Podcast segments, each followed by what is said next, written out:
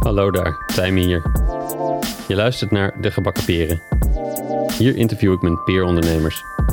Openhartige gesprekken over hun reis als ondernemer, over de successen en de woestere tijden en wat wij daarvan kunnen leren.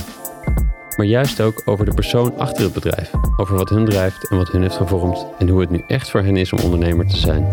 Of zoals de titel al zegt, wanneer zaten ze gebakken of wanneer zaten ze met de gebakken peren. Oké, dat is de enige en laatste keer dat ik die grap zal maken. Ondernemerschap is de beste school voor persoonlijke ontwikkeling, maar misschien kun je sommige lessen met minder schade en schande leren door slim te spieken. Of in het geval van podcasts, af te luisteren. In deze aflevering is Monique van Daal van Club Goud te gast. Met Club Goud zetten ze zich in om ouderen zo lang mogelijk mee te laten doen in de maatschappij. Daarvoor ontwikkelen ze concepten, veelal samen met kunst en cultuur, om te testen hoe dat het beste kan.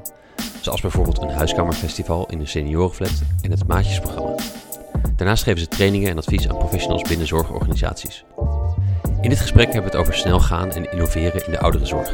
Over de ambitie hebben misbaar te zijn. Over het kennen van je kracht en je zwaktes. En over het gewicht van de missie voelen en ponyclub De Bosruiterkers. Monique is zo positief en heeft een enorme drive echt bij te dragen. Ze heeft ook het vermogen om anderen mee te krijgen in haar enthousiasme. Het is nogal indrukwekkend wat ze gedaan weet te krijgen. En minstens zo knap is hoe ze zich bewust is van wat ze zelf goed kan en waar ze hulp bij nodig heeft. Nu kan ik dit eigenlijk niet zeggen, maar dit was wel een van mijn lievelingsgesprekken. Ik hoop dat je er met evenveel plezier naar luistert. Oh, en het gesprek was al even spontaan begonnen voordat we gestart waren. We hadden het over Sam Harris en bewustzijn, dat heb ik er achteraan geplakt. Hier is Monique van Daal van Club Goud. Welkom Monique. Welkom in de, de studio. Yes, superleuk er bent. dankjewel. Uit Nijmegen. Ik was laatst bij jou, niet meer hier. Yes. Ehm, super. Eh, ik, begin, ik begin altijd bij, bij, bij gasten bij waar ze opgroeiden. Ik begrijp dat jij in Overloon bent opgegroeid. Kun je, eh, hoe zag dat eruit bij jullie thuis? En, en hoe was de dynamiek rond etenstijd? Als jullie met z'n allen aan tafel zaten, hoe, was het, hoe, hoe zag dat eruit? Ja, wat leuk. Ja, Overloon is een klein dorpje voor de, voor de mensen die dat misschien niet kennen. Dat is een klein dorpje op de grens van Brabant en Limburg. Eh, waarschijnlijk hoor je het een klein beetje gaandeweg eh, dit gesprek. Hoe enthousiaster ik word, hoe Brabantser het normaal gezien gaat klinken.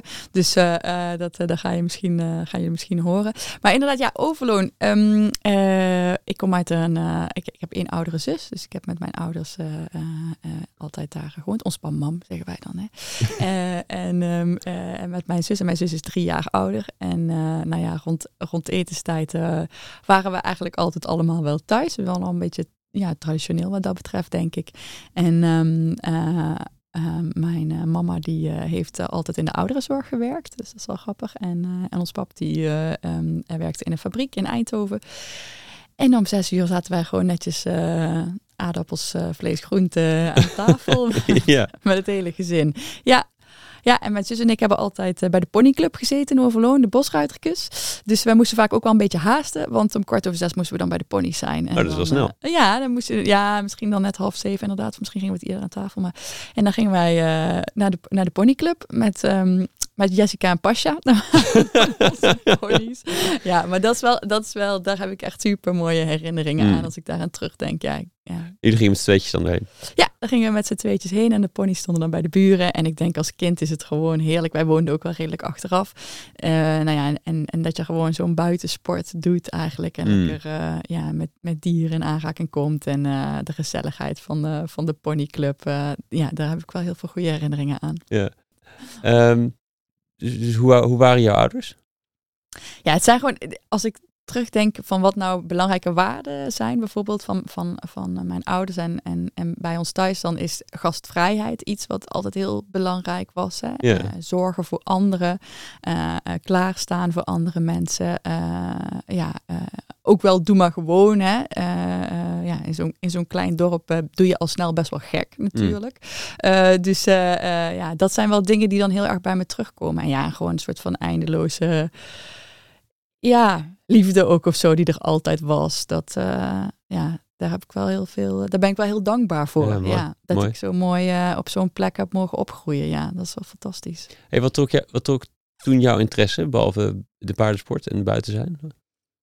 Ik was toen ook altijd wel creatief. Ik, ik deed graag tekenen. Ehm, eh, ik had ook wel veel vriendinnetjes altijd. Ehm, ja, op een gegeven moment ook wel uitgaan, dat soort dingen. Ja, ik denk wel een beetje de standaard. Dus ik had niet heel specifieke hobby's of zo, gewoon wel wat standaard Mm. dingen. En ik wilde heel graag naar het buitenland al heel snel. Oh ja? Ja, dus ik had altijd, ik keek altijd het programma, ja, voor de mensen die wat ouder zijn, die herkennen dit misschien. Je had vroeger een programma en dat heette Heartbreak High. ja, ja. ja. En dat kwam altijd, weet ik niet, om vier uur of zo, smiddags op televisie. En mijn zus en ik keken dat dus altijd. Eh, en dat ging dus over zo'n groep jongeren in Australië. En ik dacht altijd, oh, daar moet ik echt heen. Daar is het fantastisch. Dus vanaf dat ik 13 was of zo, wilde ik daarheen. En eh eh, pap mama deed dat wel slim, want die dachten volgens mij een beetje, nou, dat waait wel over. Maar die zeiden van, kunnen we niet eh, ehm, dan iemand bij ons in huis uitnodigen? voordat jij dus zelf zo'n high school jaar zou gaan doen. Want dat wilde ik dus graag, zo'n high school jaar. En dan kan je een beetje zien hoe het is, weet je wel. En dan, ehm, ja, dan kan je vervolgens bepalen of je dat dan alsnog wil doen. En zo kregen wij een jaar lang, toen ik in eh HAVO 4 zat, kregen wij een jaar lang een eh, Braziliaans meisje in huis. Oh, wauw. Ja, dus dat was wel superleuk. En eh, zij zei eigenlijk al meteen van... nee, maar als je nou straks naar het buitenland wil... dan moet je gewoon naar ons toe komen. En toen, dus toen, na mijn eindexamen... heb ik een half jaar gewerkt om het geld bij elkaar te sparen. En, en toen ben ik uiteindelijk een half jaar daar eh, naartoe In geweest. Brazilië. Ja, naar Brazilië. Gewoon Ja. de andere kant op. Wat goed. De andere kant op, ja. Ja, is echt een fantastische plek, eh, eh, vind ik. En ik denk dat je als je ergens eenmaal zo lang hebt gewoond... dan hou je altijd een hele speciale ja, band eigenlijk met zo'n land. Want hoe lang heb je daar gezeten? Zeven maanden in totaal. Zeven maanden. Ja. Wat is iets van die cultuur daar die je, die je meegenomen hebt? Ja, ik vind het de. Wat je dan natuurlijk altijd over hoort, de verschillen zijn heel groot. Dat was ook zo. Ik woonde gewoon bij een hele rijke familie. Eh, ehm, met een, eh, met, met, eh, met een schoolbus ging ik dan iedere dag naar school in uniform. En we hadden gewoon een heel mooi huis met mensen die daar werkten in huis. Dus echt een huishoudster en een tuinman en zo. En een groot zwembad. Nou ja, goed, hartstikke luxe. En ondertussen rijd je, rijd je onder de, met je schoolbus onder de brug door. En daar liggen, daar liggen ook heel veel gezinnen te slapen. Ja. Dus dat contrast is me wel heel erg opgevallen. Maar wat me vooral heel erg ook bij is gebleven, is eh, de, mm, ja, de, de, de vrolijkheid en het geluk ook wat daar in de mensen zat. En eh, hoe ze ondanks ja, moeilijke omstandigheden toch heel ehm, ja, eh, eh, vrolijk en lichtvoetig in het leven leken te staan. Hmm. En dat vond ik altijd wel heel mooi en heel inspirerend. En alles is met muziek. Dat is ook heel leuk. Dus gewoon in de bus staat altijd muziek aan, weet je wel. En alles is met dans en met, eh, ja, je voelt je ook heel wit en Europees daar dan tussen, Mm. zeg maar. Ehm, als je wat minder ritmegevoel hebt. Ehm, maar eh, ja, dat is me wel heel erg bijgelegen. Ik vind het echt een fantastisch, eh, fantastisch land. Ja, ja. Hey, en hoe ging verder school, schooljaar af? Is, was dat iets wat gewoon natuurlijk ging of wat vloeiend ging? En, en, Ja, ik deed niet heel hard mijn best, ook niet hoor. Maar eh, ik, ja, ik rolde daar wel gewoon een beetje doorheen. Ja. En eh, ik was vooral ook wel druk met vriendinnetjes. En, eh, en rolde zo rustig door, ehm, door, de, door de HAVO heen. Zo Ja. lekker allemaal zevens, weet je wel. Prima. prima. ja. Hey, wa- waren er, dat is misschien een beetje een andere vraag, maar de- waren er in jouw omgeving mensen die, die eigen ondernemingen hadden of ondernamen of eh, op een manier hun eigen werk zo vormgaven? In die En tijd? Nee, in die tijd niet. Niet dat ik me zo kan herinneren, inderdaad. Ik heb dat niet echt als voorbeeld zo gezien in mijn jeugd. Ik weet wel dat ons pap heeft het lang gewild, maar heeft Hm. het uiteindelijk nooit gedurfd. Ehm, en eh, eh, ja, ik heb het verder in die tijd in ieder geval niet echt als eh, in mijn omgeving gehad. Nee. Nou, je zei hij werkt in de fabriek in Eindhoven. Is dat dan Philips? Moet ik daar gelijk Campina. voor? Campina. Oh ja? Ja. Zit daar ook. Die Ja. zit daar ook. Ja, die, ja. die zat daar. Volgens mij zit ze er niet meer. Maar ja, hij heeft Ja. daar. eh, ja, dat is, dat is natuurlijk ook zo'n andere generatie. Die heeft gewoon eh 43 eh, jaar daar gewerkt. Wauw. Ja. 43 jaar. Ja, vanaf de 17. Ja, ja, In één keer door. Zo. Ja, Ja. ja. dat is anders dan eh, nu. Ja. Wauw. Ehm, je, bent, je bent naar Nijmegen gegaan om te studeren. Ja, klopt. Eh, wat ging je studeren?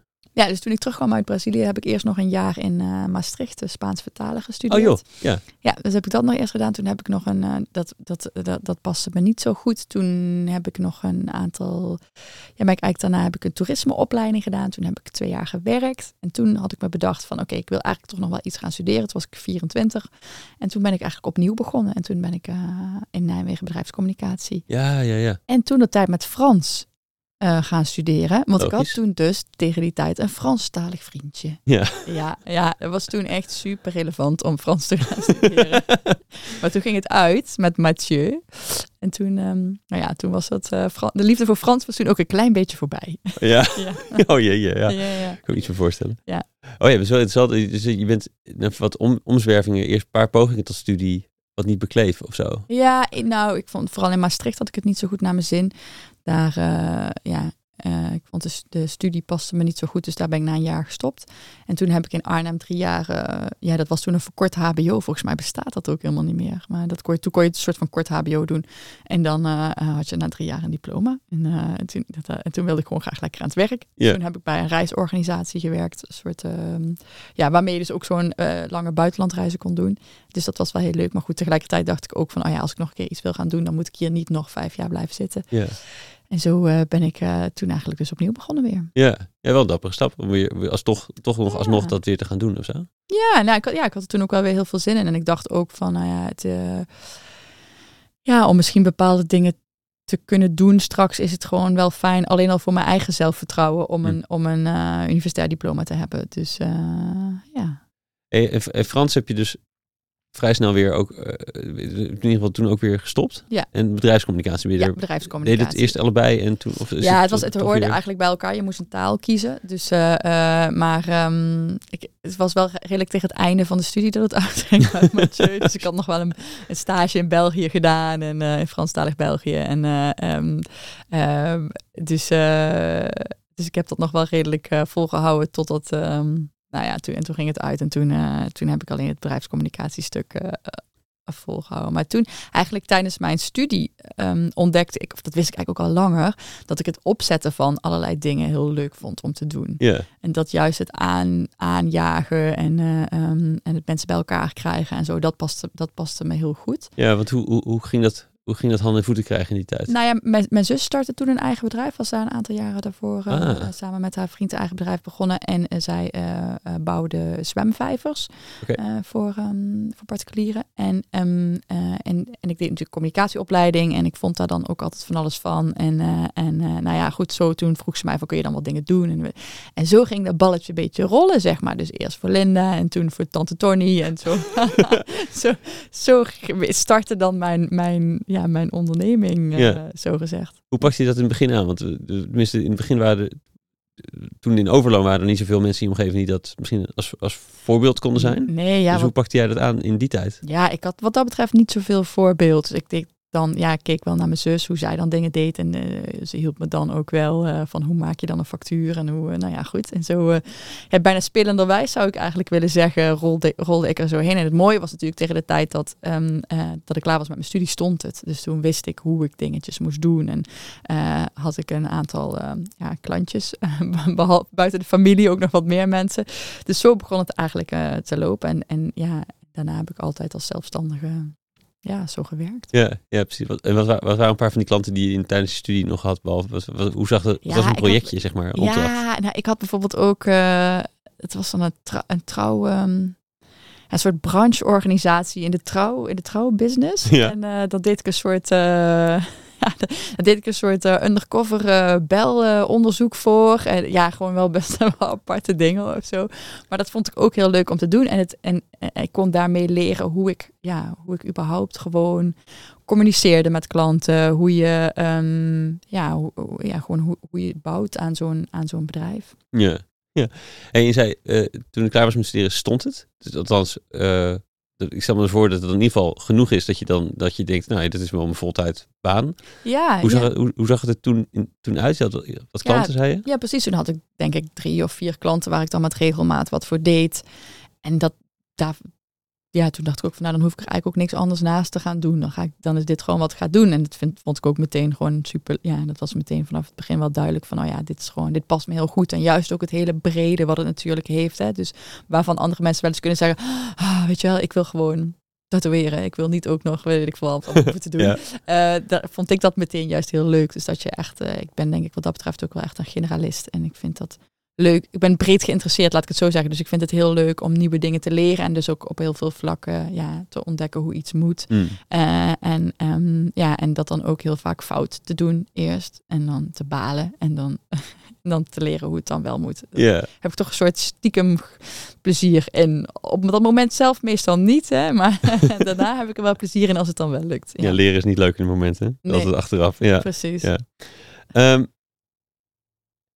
even, ja, hoe, hoe, hoe evolueerde dat verder? Ik zag, ik zag op LinkedIn dat je nog een paar andere projecten, zoals As We Speak en het Zomerkwartier in Oh, ja. Nijmegen bent gaan opstarten. Ja. Kun je daar iets over vertellen? Ja, dat was eigenlijk ook wel echt in die beginperiode. Ehm, ehm, er, er was toen ook eigenlijk voor jonge mensen, ja, dat was rond 2010, 2011. Toen was er eigenlijk ook niet zo heel veel werk. Ja, dat is nu moeilijker weer om voor te stellen. Maar toen was het best wel moeilijk ook om aan de slag te gaan voor jonge mensen. Hmm. En, ehm, en een van de dingen ehm, eh, die, waarvan ik zelf ook altijd dacht, ja, dat is gewoon sowieso super slim om te doen. Überhaupt gewoon voor mij ook om weer nieuwe opdrachten te krijgen, maar ook om andere mensen ehm, eh, ja, misschien een duwtje te geven, is om zelf gewoon iets op te zetten. En ehm, en dus niet eh, rond te gaan bellen, oké, wie heeft er werk voor mij, maar gewoon te laten zien, dit soort toffe dingen doe ik. En, eh, eh, en daarmee te shinen, waardoor mensen denken, oh, vanuit de gemeente, hey, we gaan een evenementje organiseren, maar we zien dat, eh, nou ja, Monique in dit geval dat heel tof doet op die plek, dus misschien kan ze dat ook voor ons komen doen. En dat was eigenlijk, Zomerkwartier was een, een stadstrand. Eh, ehm, eh, zes weken lang, drie jaar achter elkaar, met allerlei artiesten en programmering. En ja, en dat werkte voor mij super goed om zichtbaar te zijn daarmee. Mm. Dus als jonge mensen dan ook wel eens tegen mij zeggen van, oh ja, weet je wel, hoe kom ik nou aan die, aan die leuke baan? Ja, dan is dat iets waarvan ik altijd zeg, weet je, zorg gewoon dat je iets tofs doet waarmee je zichtbaar bent. En dan, Ja. dan word je echt wel gevonden. Wat, voor, wat voor opdrachten kwamen toen opeens op je af? Ja, toen kwamen er vanuit de gemeente bijvoorbeeld opdrachten om dingen te organiseren, maar ook vanuit de industriepark, eh, eh, vanuit de investeringsmaatschappij. Ja, die, die zagen dat. En dan op een gegeven moment gaat het natuurlijk een beetje lopen. Hè? En dan, dan, dan weten mensen dat je goed werk doet. En dan, eh, nou ja, dan ontwikkelt zich dat zo. Hey, maar nog even een, een, st- een stadstrand beginnen. Dat klinkt, zeg maar, ik moet me voorstellen dat je dan heel veel zand nodig hebt en zo. Maar wat komt er nog meer bij kijken? Ja, we hadden, ja zeker. Nou, eigenlijk, we, we begonnen in eerste instantie met het blog. En dan gingen we gewoon schrijven over dingen die we gaaf vonden aan Nijmegen. Ehm, en met een groepje mensen had ik daarvoor bij elkaar eh, bedacht. En ineens waren we met eh, nou ja, 15 man en schreven we iedere week eh, ar- artikelen. En dat werd super goed gelezen. En eigenlijk vanuit daar ontstond ook het idee om meer te gaan doen. Eh, Maar hoe had je opeens 15 man? Dat is toch- Ja, hoe is dit nou weer opeens Ja, gebeurd? Ja, nou, ik zeg ook wel eens, ja, dat is volgens mij, voor, volgens mij is dat vooral mijn talent. Dat ik dan altijd het op even, of andere manier lukt om andere mensen enthousiast te gaan krijgen voor, voor een idee. En eh, ehm, eh, ja, en, en dat, dat, toen had ik gewoon allerlei mensen in mijn netwerk gevraagd. En die waren eigenlijk meteen te poren. En die dachten, oh ja, tof, een blog, dat wil ik ook wel. Ja. En zo eh, rolde, het, rolde het dan. En ja, en met dat groepje gingen we ook het stadstrand eh, organiseren. Maar ook, weet je, totaal... ja, eigenlijk zonder dat je enig idee hebt wat je aan het doen bent. Hè? Dus eh, gewoon, ja, oké, dan moet er dus misschien een stichting komen. Oké, ja, hoe doen En dan gingen we ook alles gratis proberen te regelen, bijvoorbeeld. Dat je dan, eh, ja, die stichting moest, die notaris moest dat dan ook gratis doen en zo. Maar dat deden mensen ook de hele tijd. Dat was ook, eh, ja, Hoe verklaar je dat? nou, geen idee, ja. De, de, maar ja, dat, dat, dat vroeg je ook gewoon, snap je? Dat was ook helemaal niet bang. Ja, nu denk ik wel eens, oh mijn god. Dan ging ik gewoon aan die notaris vragen, ja, kan dat niet gratis? want we hebben nog helemaal geen geld, want we hebben dat nog nooit georganiseerd. Dus ja, eh, ja dan zei hij gewoon, nou, ja, oké. Hilarisch. Ja. Ja. Dus dat is ook wel. ehm, ik denk dat dat. Misschien is dat ook wel een soort van onderschat iets. Dat heel veel mensen vinden het gewoon ook heel fijn om iets te betekenen voor elkaar. Dat komt natuurlijk nu in mijn werk ook heel erg terug. Maar dat zat er denk ik toen. eh, herkende ik dat misschien ook al een beetje. Dat op het moment dat je iets doet waar mensen blij van worden, dat, het, eh, dat mensen het ook helemaal niet erg vinden om je daar dan in te ondersteunen. Sterker nog, dat juist hartstikke leuk vinden. En zijn notaris die daar eh, drie jonge honden, zeg maar, op zijn chique kantoor ziet verschijnen, die denkt waarschijnlijk, joh, dat schrijf ik bij een andere klant er misschien wel even netjes bij en hè, of stiekem bij. En dan, dan doe ik dat gewoon voor ze. Ja, Ja. ja, dus dat was, eh, dat was de, eigenlijk vanaf dat moment misschien ook al wel gewoon de ontdekking van, nou ja, weet je, er is, er is heel veel energie in de maatschappij om iets te betekenen voor Mm. elkaar. Ja, Mooi. ja. Hey, en je zei ook, je is ook niet zo goed wat je nou eigenlijk aan het doen. Want er is er ongetwijfeld ook van alles misgegaan bij de strand. ja non-stop. Ja. ja, maar alleen maar time eigenlijk. maar echt alleen maar. Zoals? Ja. Nou ja, ja, gewoon. het, eh, Ja, nou, ik weet niet eens waar ik moet beginnen. Gewoon, ja, al- alles, alles liep natuurlijk de hele tijd in het honderd. En dan, dan hadden we een. Ja, we organiseerden dat stadstrand. Maar de dag dat we begonnen was ik zeg maar zo kapot van alle voorbereidingen. Dat ik gewoon eigenlijk een soort van. Ja, ik, volgens mij ben ik om half negen, toen alle, net alle gasten er waren, ben ik ergens achter een kassa in slaap gevallen. Omdat het gewoon helemaal op was van hoe hard we hadden gewerkt. En, en toen stond het, maar bedoel, ja, dat zijn, dat zijn kleine dingen, maar meer nog, eh, ja, er kwamen er gewoon veel te veel mensen. Hadden we gewoon helemaal geen rekening mee gehouden. Was het gewoon veel te druk geworden, weet je wel. Ja, En dan moesten we dat dan, ter- dan? Ja, Ja. ter plekke gaan managen. Zo van, oké, eh, ja, dus achteraf denk ik ook wel eens, oh mijn god, dat het er gewoon allemaal go- goed ging. Want wat doe je inderdaad dan? Ja, toch maar gewoon aan mensen vragen of ze dan naar huis gingen, weet je wel. En, nou ja, de- ja, dat soort dingen gebeurden ons eh, de hele tijd. En je- als je dus een, een festival, nu weet ik het allemaal, maar als je dus een stadstrand organiseert, dan heb je dus ook te maken met allerlei vergunningen, met allemaal, nou, dat deden we ook allemaal voor het eerst. En ja, maar het- ik hou er ook wel van op die manier of zo, snap je? Om gewoon te denken, oké, ja, ik heb geen idee, maar ik ga het gewoon doen. En er gaan echt wel mensen zijn die ons gaan helpen. En gaandeweg gaan we ontdekken hoe het moet. En het leuke is ook, doordat we gaandeweg ontdekken hoe het moet, wordt het ook van, iets van ons allemaal, snap je? Want je ontdekte dat niet samen, je deed het met de mensen samen. Ja, we deden dat gewoon met, met ik denk dat we het eerste jaar wel met 100 vrijwilligers waren. Ja, dus dat was echt, eh, en, en die jaren daarna zeker ook. En daar, daar leerde ik dus ook heel erg van, oh ja, maar het is helemaal eigenlijk niet moeilijk om vrijwilligers te vinden. Maar je moet natuurlijk iets hebben waar mensen op aangaan. En eh, eh, ja, en, en, daar, en, en, en, en een stadstrand was er gewoon nog niet in Nijmegen. En het was ook op een plek waar nog niemand ooit was geweest, want het was bij een oude fabriekshal. Die vanaf dat moment eigenlijk eh, eh, eh, opengesteld werd. Ja. Dus we, we, en dat, vond, dat werd natuurlijk vanuit, dat was gedeeltelijk eigendom van de gemeente. En zij vond het natuurlijk heel mooi dat we op die manier allerlei mensen naar die plek gingen krijgen.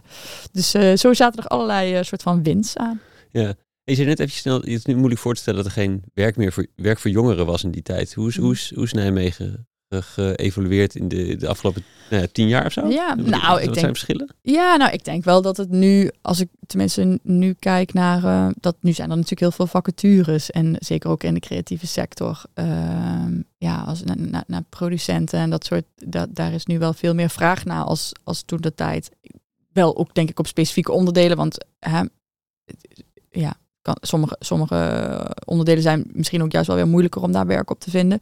Ehm, maar, ehm, maar er is ook wel veel veranderd, denk ik, in Nijmegen. Ja. Wat, eh, waar- hoe, hoe heb je het zien veranderen? Ja, ik denk dat er wel meer. ehm, ja, ik denk dat er wel meer ruimte ook nog wel weer meer is gekomen voor creativiteit. En dat dingen zoals zo'n. dat de kracht van dat soort tijdelijke initiatieven, zeg maar, ook wel echt, wel echt is omarmd in Ja, Nijmegen. En dat ja. het ook wel meer, meer gebeurt nu, ja, dan toen. Hm, leuk. Ja? Ik heb je eerder in een ander interview gezegd dat je, dat je, dat je een beetje van al het communiceren eh, de- ook de zachte kant een beetje miste. Maar het klinkt ook alsof je tegelijkertijd juist wel heel veel andere dingen erbij eh, ook had, zeg maar. Dus wat, wat, wat, hoe, hoe, hoe, Ja, hoe ging dat, hoe gaat dat samen? Want, nou, ik ben sowieso wel een slechte zijn we. ja. oh, joh, meen je dat nou?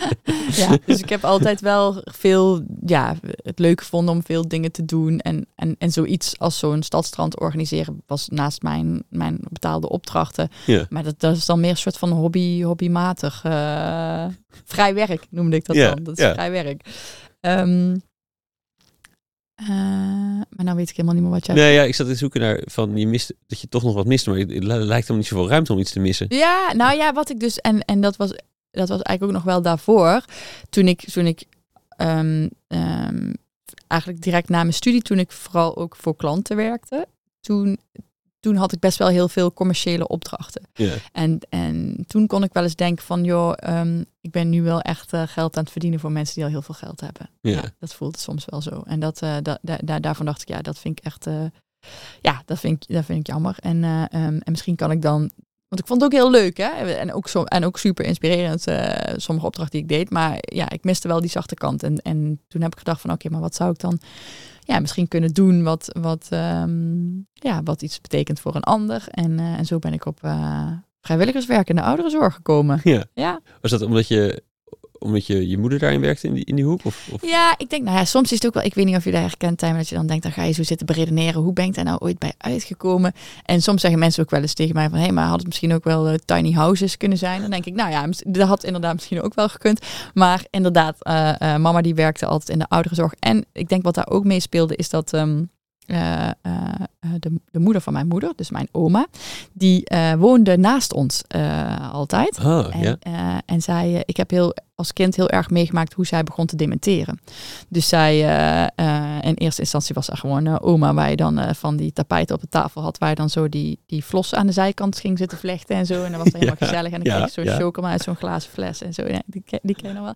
Ook echt met een bloemetjesjurk. Hè? Mijn oma had echt nog een bloemetjesjurk aan en krulspelden. Uh, en, uh, en, en, en dat zijn mijn eerste herinneringen van haar. En dat wij gingen spelen, maar gaandeweg ging zij, begon zij te dementeren. Ze heeft op een gegeven moment ongeluk gehad. En, uh, um, en, en, en ja, dat maakten wij als kinderen mee. Dus ze kwam dan, ze woonde naast ons, dus ze, ze kwam dan steeds bij ons aanbellen eigenlijk, omdat er dan iets was. Maar ze, je moet je voorstellen, ze belde aan en dan zei mama, hey, hoi oma, een kopje koffie. En dan hadden we een kopje koffie gedronken en dan ging ze naar huis. En dan stond ze vijf minuten later opnieuw voor de deur. En dan was ze vergeten dat ze al een kopje koffie had gedronken. Yeah, yeah, dus dan, yeah. nou ja, goed. En dat, dat werd zeg maar, uh, dat ging een soort van, uh, van kwaad uh, tot erger. En, uh, en uiteindelijk ging ze, naar, uh, ging ze naar het verpleeghuis. En daar is, uh, heeft ze nog tien jaar mogen leven. Ja. dus ook echt nog een lange periode waarbij ze echt ja, ook nog weer steeds slechter werd. En dat heeft denk ik wel ook wel echt indruk op me gemaakt als kind. Ja, ja. want die tien jaar was toen, hoe oud was jij toen? Ja, ik denk dat ik toen, dat was mijn puberteit. Dus ik denk dat ze is overleden toen ik ja, 17 was. Zoiets. Ja, ja. Ja. dus dat is echt mijn hele jeugd, zeg maar, heeft dat, uh, heeft dat meegespeeld. En ik herinner me vooral ook heel goed dat zij, um, dat, uh, nou ja, goed, dat ze dus heel lang in het verpleeghuis woonde. Ja, en dat, dat is niet iets wat wij natuurlijk heel veel zien, want dat zijn mensen die in het verpleeghuis wonen. Maar ja, de, de, op een gegeven moment hebben mensen de ogen nog open, bij wijze van spreken, maar dan zit er niks meer achter. Hè? En, en dat, uh, dat is natuurlijk voor, voor mijn moeder ook wel heel heftig geweest om dat mee te maken. En uh, ja, de laatste jaren heeft ze alleen in bed gelegen, snap je? Ja. Ja, dus dat, is, dat heeft denk ik wel ermee te maken. Of zo dat ik altijd heb gedacht van het zou mooi zijn als ik daar iets in zou kunnen doen. Of iets voor zou kunnen ja, betekenen. Ja, het klinkt alsof die waarden bij je, in je nog los van deze de, de echte ervaring erbij, maar de waarden er ook al waren bij je, bij je familie thuis. Ja, zeker. Mijn, mijn, ons mam is met, uh, die zijn met zeven thuis, zes zussen. En die zitten alle zes in de ouderenzorg. Ja. Dus, Ja. ja, Maar ook het, het, het liefde, het, het zorgende Ja, aspect, het het, uh, gastvrijheid, dat, dat, dat, dat, dat wat je zei, dat er allemaal Ja. al speelde. Ja. Ehm, Ja. En, en, en ja, god, ik herken het heel erg, maar mijn, de moeder van mijn moeder had precies hetzelfde. Ja. oh ja. Ja, dus Ja. die, die, die, werkte weer, werd weer gebeld van, eh, we hebben mevrouw Kooijen eh, ergens gevonden. En, Mm. en eh, Ja. gevonden, die, die, die belt al opeens dan aan willekeurig ergens en Oh. verderop. En dan Oh ja. en was ze was verdwaald, ja. Ja. Ja, dat is gewoon, dementie is gewoon een hele heftige, hele heftige ziekte. Ja. ja. Ehm, ja, dan ging ging ik later op bezoek en dan ging ik lopen met haar. En dan, dan stelde ze, ging ze met tegen mensen praten en was ik haar neefje opeens, weet je wel. Oh, dat, ja. dat klopt. eh, Ja, dus dat soort dingen gingen opeens raar lopen. Ja. Ja. Hey, en hoe kwam je, hoe kwam je bij eh, het... eh, want je, je ging op vrijwilligerswerk in de ouderenzorg doen. Ja, hoe, hoe kwam je bij dat eerste adresje? Ja, dat heb ik gewoon uh, gevonden via de vrijwilligerscentrale in Nijmegen. En ik had opgezocht van oké, iets met oudere vrijwilligerscentrale. En toen uh, stuitte ik op een, uh, een oproep om maatje te worden eigenlijk voor, voor een oudere. En toen dacht ik, oh nou ja, prima, ik kan lekker kletsen. En dat, volgens mij gaat het wel werken. En zo begon ik eigenlijk aan mijn eerste vrijwilligersjob. En die was bij, um, bij Bossicht. Ja. Dat, dat, ik had het zo'n klinkende namen natuurlijk. Hè? Bij Bossicht, dat is een woonzorglocatie voor ouderen, verpleeghuis. En uh, um, zij zitten in, uh, in Brakstein in Nijmegen. En daar uh, ja, ging ik op bezoek bij mensen die het fijn vonden om vaker bezoek te krijgen. Is dat willekeurig iedere keer een andere? Of was, hoe, ja, hoe, dus je moet je voorstellen, mensen wonen gemiddeld acht maanden in, een, in een woonzorglocatie. Nou, woonden daar ook wel mensen wel wat langer meestal. Omdat ze ook nog wel van vroeger uit daar soms woonden. Uh, maar ik heb, ik denk, vijf mensen bezocht in de um, elf jaar dat ik daar vrijwilliger was. Want ik ben nu net gewisseld van vrijwilligerswerk naar iets wat dichter bij mijn huis is oh ja. uh, nu.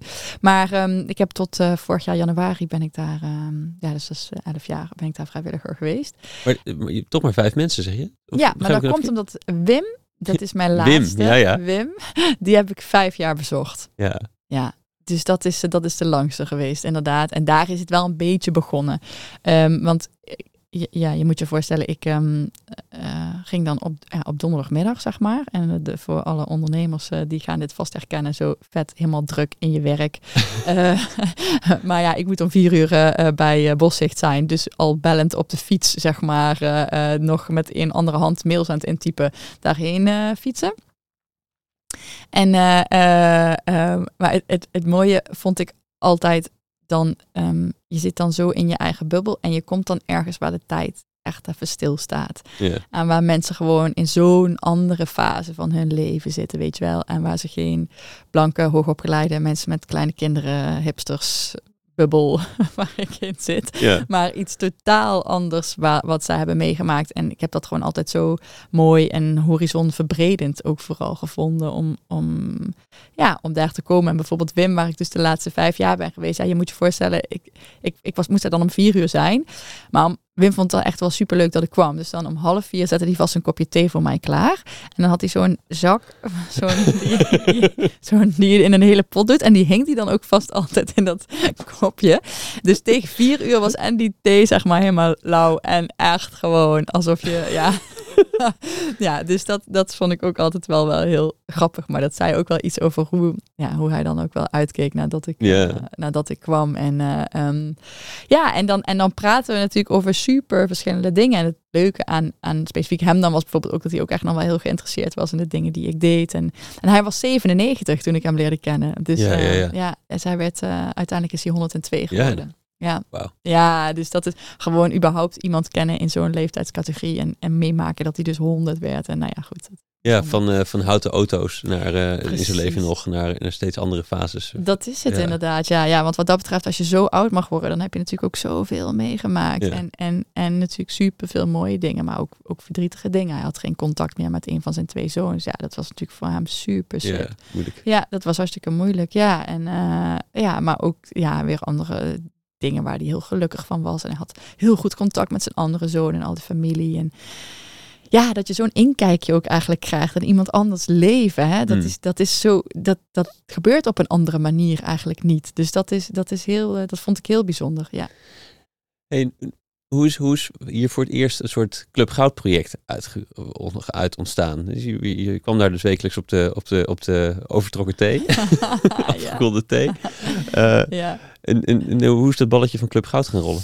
Nou, ja, je moet je voorstellen, dus er speelden een aantal dingen mee. Dus in het, ik had enorm plezier en dat vrijwilligerswerk vond ik super leuk om te doen. Dus ik vertelde dat ook tegen allerlei mensen. En het viel me al sowieso heel erg op dat eigenlijk niemand zei van, oh, dat doe ik ook. Of zo. En dat ik dacht, oh, dat is echt, dat wordt helemaal niet veel gedaan uh, in mijn uh, omgeving. dus dat vond ik al jammer of zo, juist omdat ik het zo leuk vond. En, um, uh, en daarnaast um, sprak ik ook uh, natuurlijk heel veel met oudere mensen waar ik dan op bezoek ging.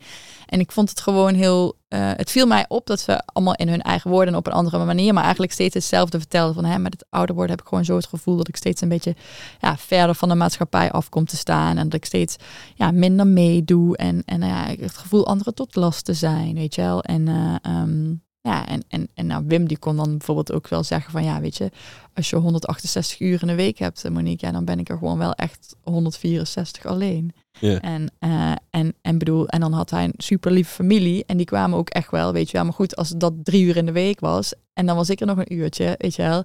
Ja, en als je, en als je zo oud bent, dan heb je ook gewoon, ja, dan zijn de mensen om je heen natuurlijk, die zijn er ook niet meer allemaal. Dus, en daarvan dacht ik altijd wel van, um, het zit ook in de manier waarop het georganiseerd is. Hè? Dus het is ook heel Nederlands, zo van de kinderen bij de kinderen en de ouderen bij de ouderen. Terwijl, ja, juist ook die magie zo zit op die plekken waar we elkaar ontmoeten. Maar dat doen, dat doen we gewoon niet doordat we dat dus zo hebben vormgegeven. Ja, ja de organisatie precies juist niet elkaar ontmoeten. Nee, ja. precies. Want mensen zitten dus met z'n allen, en dat is natuurlijk heel kostenefficiënt. Dat snap ik ook wel. Um, uh, maar het is ja, voor, voor sociaal is, is, dat, is dat minder. Um, ja, het, het, is ook een gevolg van dat iedereen heeft, eh, moet, moet een gezin met twee verdieners hebben. Dus, dus moet iedereen werken, dus heb je geen tijd meer. Dat is het. Ja, zeker. En in andere culturen is dat dan ook ja, vaak heel anders georganiseerd. Maar ja, bij ons is dat zo georganiseerd. En, en Wim zei ook van, weet je, ik ben daar niet kwaad over of zo. Ik snap, ik snap het ook heel goed. Maar ik vind het gewoon wel jammer. En ik zou heel graag een soort studentenhuis willen waar ik dan even Daar moet ik altijd erg om lachen, ja. en toen, maar je zag, je, zag, je zag dus die ingrediënten van, er, zijn, er is heel veel behoefte aan meer contact, Ja. meer, nog meer in de samenleving zijn. Ja. Niemand, iedereen wil vrijwilliger op, die, op, die, op, die, op het strand, maar niemand doet kennelijk dit vrijwilligerswerk. Ja, ja. Ehm, En- eh, en toen? En zo begon het dan een beetje te borrelen. En dan moet ik wel zeggen, heb ik dan wel heel veel ideeën zo de- door de week heen. En de meeste die verdwijnen dan ook wel weer snel. Maar, ehm, eh, maar deze had ik al wel heel lang. En hier dacht ik wel altijd van, van oh ja, daar moet ik nog een keertje iets mee. En toen, ehm, toen heb ik in, eh, in 2016 had ik, had ik een hele grote klus ook gehad. En toen had ik daarna, heb ik daarna heb ik een... ehm een stilte gedaan. Ik weet niet of je het zo Vipassana, tien dagen stilte Ja. ja, eh, super bijzonder. Echt mega aanrader ook. Eh, en, ehm, eh, Vlak na dat hele heftige grote project. Ja, ja, ja. En eh, eh, sowieso ook een beetje in de categorie, ja, dat lijkt me, dat heb ik al een keer gehoord dat iemand dat deed en dat leek me dan zo leuk om ook te doen. Echt nul idee, ook echt nul voorbereid. Als mensen mij nu vragen van, nee, moet ik het ook? Dan zeg ik, ja, moet je zeker doen, maar misschien wel heel even een klein beetje inlezen. want het is wel, het is, je, je schudt het niet helemaal zo uit je mouw, zeg maar. Want het is wel, eh, ja, dat is gewoon heel intensief. Ja, je Mm. hoeft gewoon niet praten, niet lezen en niet schrijven tien dagen lang. Ja, dan kan je wel een beetje bedenken wat dat, ehm, ja, dat wel een beetje heftig is. Maar goed, dus toen had ik dat gedaan en toen kwam ik daaruit, helemaal high, helemaal high on life was ik. En eh, eh, toen dacht ik, eh, ja, ik moet, hier, ik moet, nu ga ik hier ook echt iets mee doen. En toen had ik nog een andere grote klus. Toen dacht ik, nou mooi, dan heb ik nu ook eventjes ruimte. En, eh, en heb, ben ik eigenlijk in eerste instantie vooral ook met allerlei partners gaan praten. Van oké, ik zie dit en hè, ik heb het gevoel dat. En zouden we niet? En dan zeiden mensen, oké, ja, kan wel. En dat waren wat voor, wat ja, voor partners bijvoorbeeld die zorgorganisatie Ja. en eh, eh, vrijwilligerscentrale en dat soort partijen allemaal aangesproken. En die konden zich ook wel vinden in wat ik zei. En die zeiden, ja, klopt, maar wij weten dat ook niet zo goed hoe we dat moeten doen. Of ja, nou goed. En zo heb ik eigenlijk een plan gemaakt. En ik heb financiers benaderd, dus fondsen. Ja. En voor twee jaar geld eh, eh, bij elkaar weten te scharrelen. Met welk, met welk idee dan? Want eh, die, die, die, had, wat je nu dus schetst, was vooral een probleemanalyse. Ja, en nou ja, de, de- eigenlijk de, de, de, de vraag die, en dat doen we nog steeds, proberen op experimentele wijze te beantwoorden, is hoe zorg je nou ervoor dat ouderen zich zo lang en zoveel mogelijk betrokken kunnen blijven voelen Ja. bij de maatschappij. En, en daar hadden we wel wat ideeën bij, zoals, nou ja, wat kan dan de rol van vrijwilligers daarin zijn? En hoe betrek je dus ook vrijwilligers op een manier dat ze zich aangesproken voelen? Ja. Maar ook wat is de rol van kunst en cultuur? Eh, iets waar, je dan, waar ik zelf veel mee had en waarvan ik dacht van, oh ja, maar dat, volgens mij kan je dat heel mooi inzetten ook om mensen bij elkaar te brengen. En had je dat plan toen geschreven met, we gaan, we gaan dit onderzoeken, geef ons eh, geld voor twee jaar? Of had je ook specifiek wel projecten al Eh, ingediend nee, ik had, nou, het was zeg maar eh, eh, geld voor twee jaar, maar het was meer zo van eh, dit zien we als oplossingsrichtingen en dat gaan we dan uitproberen. Ehm, en eh, dat, eh, dat, ja, dat zijn we toen gaan doen. En het was toen, dat is nu vijf jaar geleden, maar toen ook al een soort van eh, nieuw geluid in een ehm, ja, in ouderenzorg, wat toch gewoon best wel een, eh, ja, een traditionele branche is, zou je kunnen zeggen. Ja, ja. Ja, en, eh, eh, nou ja, en waar, waar we vooral ook naar hebben gekeken, en, en daar ben ik ook nog steeds heel erg van overtuigd, is dat het vooral ook zit in het samenwerken. En dat de ouderenzorg van oudsher heel erg naar binnen is gekeerd. Eh, terwijl ehm, juist, het is natuurlijk zo'n grote uitdaging ook, hè, vooral als je naar de toekomst kijkt. Het aantal ouderen gaat zo sterk toenemen. Hè. Ik las vandaag dat het aantal mensen met dementie in de komende tien jaar verdubbelt. ja. Dus eh, weet je, eh, eh, het personeelstekort is in 2040 zo dat er één op de vier mensen in de zorg moet werken om het überhaupt gedraaid te krijgen met alle ouderen die zijn. Dus er is natuurlijk zo'n grote groep ouderen die er aankomt. En je kan dat niet alleen aan de ouderenzorg vragen om dat op te lossen. Nee, want die hebben een personeelstekort. Die nu al. dat, ja, precies, daarom. En die hebben zo'n, dat is zo'n grote groep mensen die er aankomt en waar we voor mo- moeten gaan zorgen straks. En je kan niet zeggen, oké, we hebben één groepje mensen, die moeten het allemaal gaan oplossen. Zo werkt het niet. Het is gewoon een maatschappelijk probleem wat we met elkaar moeten gaan kijken. Oké, hoe gaan we dat doen? En Ja. ieder heeft daar in mijn optiek tenminste een, eh, een steentje aan bij te dragen. Ja, Ja. ja. Hey, en dus, maar wel, wat ik ook wel indrukwekkend vind, is dat die financier kennelijk zegt, oké, oplossingsrichtingen, ik vertrouw het genoeg om, om jullie voor twee jaar... Ja. eh, Ja, was ik zelf ook verbaasd over timen. Ja, ja. nou, ik, is sowieso een bas- bijzondere dynamiek met zo'n fondsen. Want ik bedoel, ja, sommige fondsen geven gewoon echt substantie. Ik bedoel, ik kom mezelf daar twee jaar fulltime op inhuren. Dus je hebt gewoon echt wel wat ja, geld dan. Ja. Ja, en sommige fondsen die, eh, die zeggen dan gewoon, nou ja, je krijgt eh 50.000 euro van ons. Maar die hebben mij dan bijvoorbeeld nog nooit gezien. Ja, dat, vind, dat vond ik dan ook heel... En, ja, maar dat, eh, en helemaal niet omdat ik nou zo'n fantastisch plan... Of, ja, nou goed, misschien ook wel een goed plan. Maar ook omdat dat gewoon is... Ja, voor hun... Zij zijn gewoon altijd op zoek naar... naar ja, naar, naar innovaties. En dat is de manier waarop zij het organiseren. Maar het is ook fantastisch dat het bestaat, hè, laten we wel wezen. Want anders kon ik natuurlijk nooit van de grond zijn gekomen. Oké, eh, je had, je, maar je had, je had een smak geld. Nee, ja, nou ja, eigenlijk wel, ja. Maar, ja. Um, en, en toen, hoe ben je, wat ben je, hoe ben je begonnen? toen ging ik gewoon aan de bak. Ja, ja maar, maar, met wat? Het eerste wat we deden was een, uh, um, uh, was een bezoek aan um, aan, aan Go Short Film Festival. Oké. Ja, en dan gingen we met een groep van uh, uh, 30 ouderen. Hadden we een speciaal, hadden we met de Go Short een speciaal ouderenprogramma opgezet. Om daar um, ja, om daar ouderen naartoe te krijgen en daar dus ook vrijwilligers bij te betrekken. Dus we hadden. En ouderen naartoe te krijgen als in zodat zij ook naar het festival konden. Ja, precies. Ja, dus we hadden we, dat, dat was een van de oplossingsrichtingen, zeg maar, dat we zeiden van nou, volgens mij zou het gewoon überhaupt al heel leuk zijn als ouderen veel meer mee zouden kunnen doen aan dingen die er nu zijn. Dus dat, uh, um, dat we zorgen dat bepaalde activiteiten um, juist ook op hun gericht gaan zijn, uh, in plaats van alleen op jonge mensen. Dus toen hadden we um, Go Short overtuigd dat, uh, dat zij ook een ouderenprogramma moesten maken. En zei ze, oh nou, dat vinden we eigenlijk wel leuk. En, um, en dan kunnen we daar ook heel makkelijk ja, eigenlijk vrijwilligers bij werven. Want Go-Short is dan bij ons in de regio een hele hippe, leuke naam. En je gaat dan een middag met, met een groepje ouderen het festival bezoeken ja, dat, dat was super leuk. Dat liep meteen heel goed. Ja. Ja. ja. Uh, ja. Dus een beetje meeleeft op, op die dingen waar, waar ook sowieso al vrijwilligers ook naartoe kwamen, op afkwamen. Ja, en dat is sowieso wel een truc geweest die we eigenlijk nog steeds doen. Um, um, namelijk um, heel erg de samenwerking zoeken met allerlei partijen. En vooral ook voor het bereiken van vrijwilligers. Ja, eigenlijk partijen zoeken die al heel succesvol jonge mensen weten te bereiken. Ja. Nou, bij ons in, de, in, in Nijmegen is dat bijvoorbeeld uh, een drift om te dansen. Of op podium door een roosje. Die hebben dan een heel grote achterban aan vrijwilligers. Yeah. En dan zetten we projecten op met hun samen. Um, zodat het makkelijk is om, uh, ja, zodat zij hun naam eraan verbinden. Waardoor yeah. het een heel ander cachet ook heeft. Uh, dan wanneer het alleen een zorgorganisatie is die iets organiseert. Ja, en op die manier dan ook vrijwilligers daarbij weten te betrekken. Ja, precies. precies. En wat voor, wat voor andere, wat voor andere, ik zag ook iets dat jullie, dat jullie gingen, gingen boksen met ouderen. Boksen, ja, echt allemaal van dat soort dingen hebben we gedaan. Dus gewoon, ja, dingen die jij en ik leuk vinden, bij wijze van spreken, om te doen. En dan te kijken van, oké, okay, zouden we dat ook beschikbaar kunnen maken voor ouderen? Dus het was ook uh, boksen, maar ook uh, cursus moderne dans uh, gingen we ook doen. En nou ja, eigenlijk allerlei van dat soort ja, type activiteiten. Um, ja, ik keek vroeger altijd So You Think You Can Dance met mijn vriendin. En was er moderne dansers, moesten ook een beetje, vonden we ook een van de leukste onderdelen, maar ook moesten gniffelen van, eigenlijk is het altijd dat ze rondjes gaan rennen en op de grond gaan rollen. Dat is het precies, timen. Ja, maar echt. Ja. Maar dat vind ik met ouderen mooi, mooi, mooi gezicht.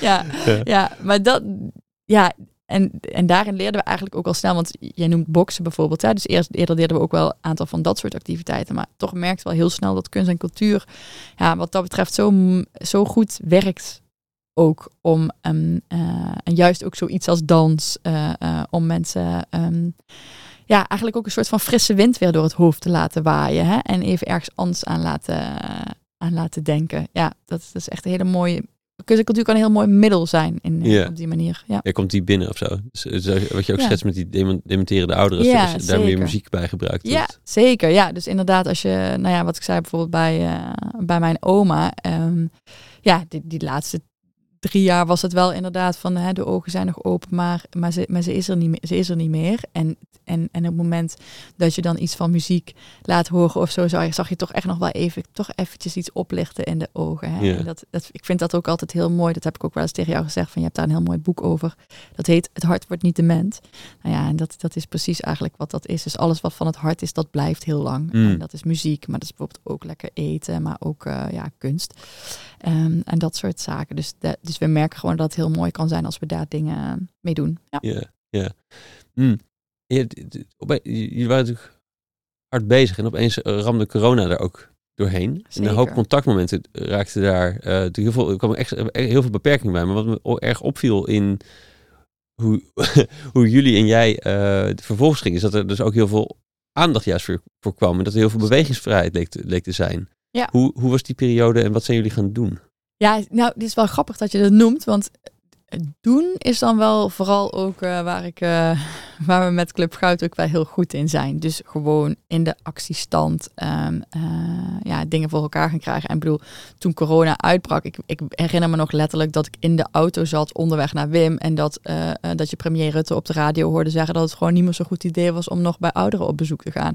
ja, kijk, als je je het hele jaar inzet om dat voor elkaar te krijgen, ja. ja, dan breekt je hart natuurlijk wel een beetje. Want ja, ik zag natuurlijk al wel aankomen wat dat ging betekenen als er werd gezegd we gaan niet meer bij ouderen op bezoek. Ja, en dat en jammer genoeg was het ook zo. En ik weet niet of je het nog herinnert, maar in de eerste periode mocht je ook mocht er ook geen familie komen. Hè? Dus toen was het echt gewoon, ja, dat, is, dat, ja, dat was gewoon wel echt heel heftig. En, uh, en we hadden zelf natuurlijk heel veel allerlei contacten ook met mensen in, uh, in, in de verzorgingshuizen. En um, uh, ja, nou die eerste, eigenlijk al heel in het begin hadden we meteen een soort van mail gestuurd naar al onze contactpersonen van hey, weet je wel, hoe gaat het? En kunnen we iets doen? Hè? Is er iets, iets wat we voor jullie kunnen betekenen? Nou, en weet ik nog dat iemand ons terugmailde van hey, um, ja, zouden jullie niet iets met muziek kunnen doen? Want dat weten we ook dat het heel fijn is voor mensen en misschien wel iets in de tuin, weet je wel. Nou goed, en toen had ik dus een berichtje op Facebook gezet met hey, zijn er um, misschien uh, um, mensen die zouden willen optreden bij, uh, uh, bij Madeleine, was dat uh, de locatie in de, in de tuin. Um, en toen kreeg ik daar meteen superveel reacties op. En, en um, nou ja, goed. En toen werd het opgepikt door de media. En toen de volgende dag uh, was het optreden. En uh, was de NOS daar om er een item over te maken. En uh, um, s'avonds waren we op het 8 uur journaal. Met iets wat denk ik een beetje het eerste buitenconcert was in coronatijd. Ja, ja, met als gevolg dat je hoeveel vervolgens ja? Vervolgens, vervolgens ging het wel klein beetje los. Want toen zagen we dat mensen dat dus super leuk vonden. En toen dachten we, oh, maar dat moeten we dan veel meer gaan doen. Dus laten we een formuliertje maken op onze website. En dan kunnen mensen dan invullen als ze graag een concert willen. En dan gaan wij artiesten erbij zoeken. En uh, ik geloof dat we het, het formuliertje op donderdag online zetten. En op zondag weet ik nog dat ik scrolde op die lijst en dat ik dacht, oh mijn god, oh, oh, oh nee. ik blijf maar scrollen. En ik ben nu bij 318. Oké, dit was de laatste. Ja. 318 in een we, weekend. Ja, aangemeld ja, voor een concert. Ja, toen hadden we 318 zorgorganisaties die ons hadden gevraagd of we dat dan alsjeblieft bij hun ook kwamen doen door het hele land. Ja, ja. dus toen dacht, toen dacht ik wel, Oeh, ja, dit zagen we niet helemaal aankomen. Maar tegelijkertijd was dat ook fantastisch. Hè? Want ik dacht, dit is super duidelijk. Oké, we gaan 318 concerten voor elkaar krijgen. En hoe dat moet en wie het gaat betalen. En hoe, daar heb ik echt geen enkel idee nog van. Maar dit, dit, is, dit is het of zo. Dit gaan we doen. De vervolgstap werd? Ja, en de vervolgstap werd, uh, um, nou ja, een soort van uh, regio's maken. Uh, uh, waar dan, uh, en kijken wie er in die regio, wie we kenden in zo'n regio, om het daar dan ter plekke te organiseren. En daar dus vrijwilligers bij te zoeken en artiesten te regelen. En ik heb fondsen benaderd om ons geld te geven, om in ieder geval de artiesten iets te kunnen betalen. maar ook om iets van techniek te kunnen huren. En, ja, en het mooie natuurlijk was ook wel, hè, want er was zeker in het begin van die coronatijd enorm veel saamhorigheid. Hè? Dat herinner je vast ook nog wel. En er was heel veel aandacht ook voor ouderen. Dus er was ook enorm veel bereidheid om. Ik, ik weet nog dat ik een, een, een fonds een plan stuurde op vrijdagmiddag om vier uur voor die concert. En op maandagochtend om tien uur had ik een reactie dat het akkoord was. Nou, dat was ons nog nooit gebeurd. Nee. Normaal zit er drie maanden tussen. Ik weet niet of er meer mensen zijn die subsidies aanvragen. Maar dat, dat is drie maanden en dan, en dan heb je geluk, weet je wel. Ja. Dus dit. Ja. En dan, dan zie je natuurlijk ook ja, dat het ook de, de, de de, ja, de, de, de, teneur, zeg maar. En wat er in de media is, speelt een enorm belangrijke rol ook. En, um, ja, en toen gingen we dus 318 concerten in drie maanden. Ja. Drie maanden. Je hebt ze allemaal ook echt allemaal gedaan. We hebben ze allemaal gedaan. Nee, ja, ik ben niet overal bij geweest. Ja, nee, we hebben ze zeker allemaal En dat formulier heb je toen even af van de We hebben toen wel gezegd, lieve mensen, dit was het heel eventjes voor nu. ja, ja, maar het was ook een dikke kick, hè, dat het, dat het, dat het lukte. En, en, en dan ging dan ook, en het was ook super spannend, want ook daar, ja, dan ging je dus maar gewoon iets organiseren en dan liep de hele straat uit, want er was natuurlijk niks te doen. Nee. Maar vervolgens, ja, was dat natuurlijk eigenlijk ook echt niet de bedoeling, want toen was het ook nog wel echt van, joh, ja, ja, thuis blijven en... Uh, uh, ja, dus dit was het eerste jaar van de ja. God, is überhaupt zo'n zo'n ding dat je dus in jaren kan praten ja, erover. Maar, ja. ja. Ja, ja, dus de, ook, ook daar. En, en, uh, nou ja, en bijvoorbeeld, um, ja, we hadden dan bedacht dat, uh, nou ja, uiteindelijk hadden we dus een soort van heel landelijk netwerk van allemaal mensen die meehielpen. En, um, maar ja, toen merkten we eigenlijk ook wel, toen waren we zeg maar zes of acht weken onderweg. Kijk, het was ook, het was ook echt heel, het was echt een tijdelijk iets. Het was niet iets wat we maandenlang vol konden gaan houden. Daar hadden we het, het geld niet voor. En ook artiesten kregen wel iets betaald, maar natuurlijk niks wat op een normaal gage. Een normaal nee, gage nee, nee. Dus het was ook wel echt een tijdelijk iets. En dat was eigenlijk voor mij ook wel redelijk, redelijk snel duidelijk. En ik dacht ook, oh nou weet je, dan maken we een boekje met alle artiesten. Dan kunnen ze mensen zelf gaan regelen. En dat had ik dan bedacht, zeg maar, dat ik dat dan zo ging doen. Um, uh, en ook gewoon op uh, donderdagavond een mail gestuurd naar alle mensen die betrokken waren. Met, hey lieve mensen, ja, dit was gewoon een tijdelijk initiatief en hartstikke bedankt. En we gaan het uh, afronden. ja, time, Groetjes Monique. ja, groetjes, groetjes Monique. Ja, ook echt dat ik dacht, nou, die kan ik best wel doen. Zo, dit is echt, er gaat niemand gek vinden. Nou, er was, liep iets anders, zeg maar. En terecht, achteraf denk ik ook echt, wat is dit? Ja, dit soort top-down beslissingen dat werd natuurlijk op geen enkele manier een dank afgenomen. Dus ja, en dan moet je ook gewoon, ja, zoals ze dan in subtiel Brabant zeggen, met de kop over de grindtegel. Heel subtiel. ja, dan moet je ook gewoon zeggen, ja, dit was gewoon poepdom. Ja, ik snap dat jullie daarvan over, overstuur zijn, want het slaat ook inderdaad nergens op. En tuurlijk ga ik dat moeten we dat met elkaar beslissen. En uh, is dit niet, van, niet alleen van mij, maar is dit van ons allemaal? je wel dat die strandtent ook al meemaakte, dat toen iedereen deelgenoot was van alle oplossingen bedenken, dat je... Zeker, ja. ja. ja, En, en vervolgens, maar hoe is, het, hoe is het dan verder gegaan? Want...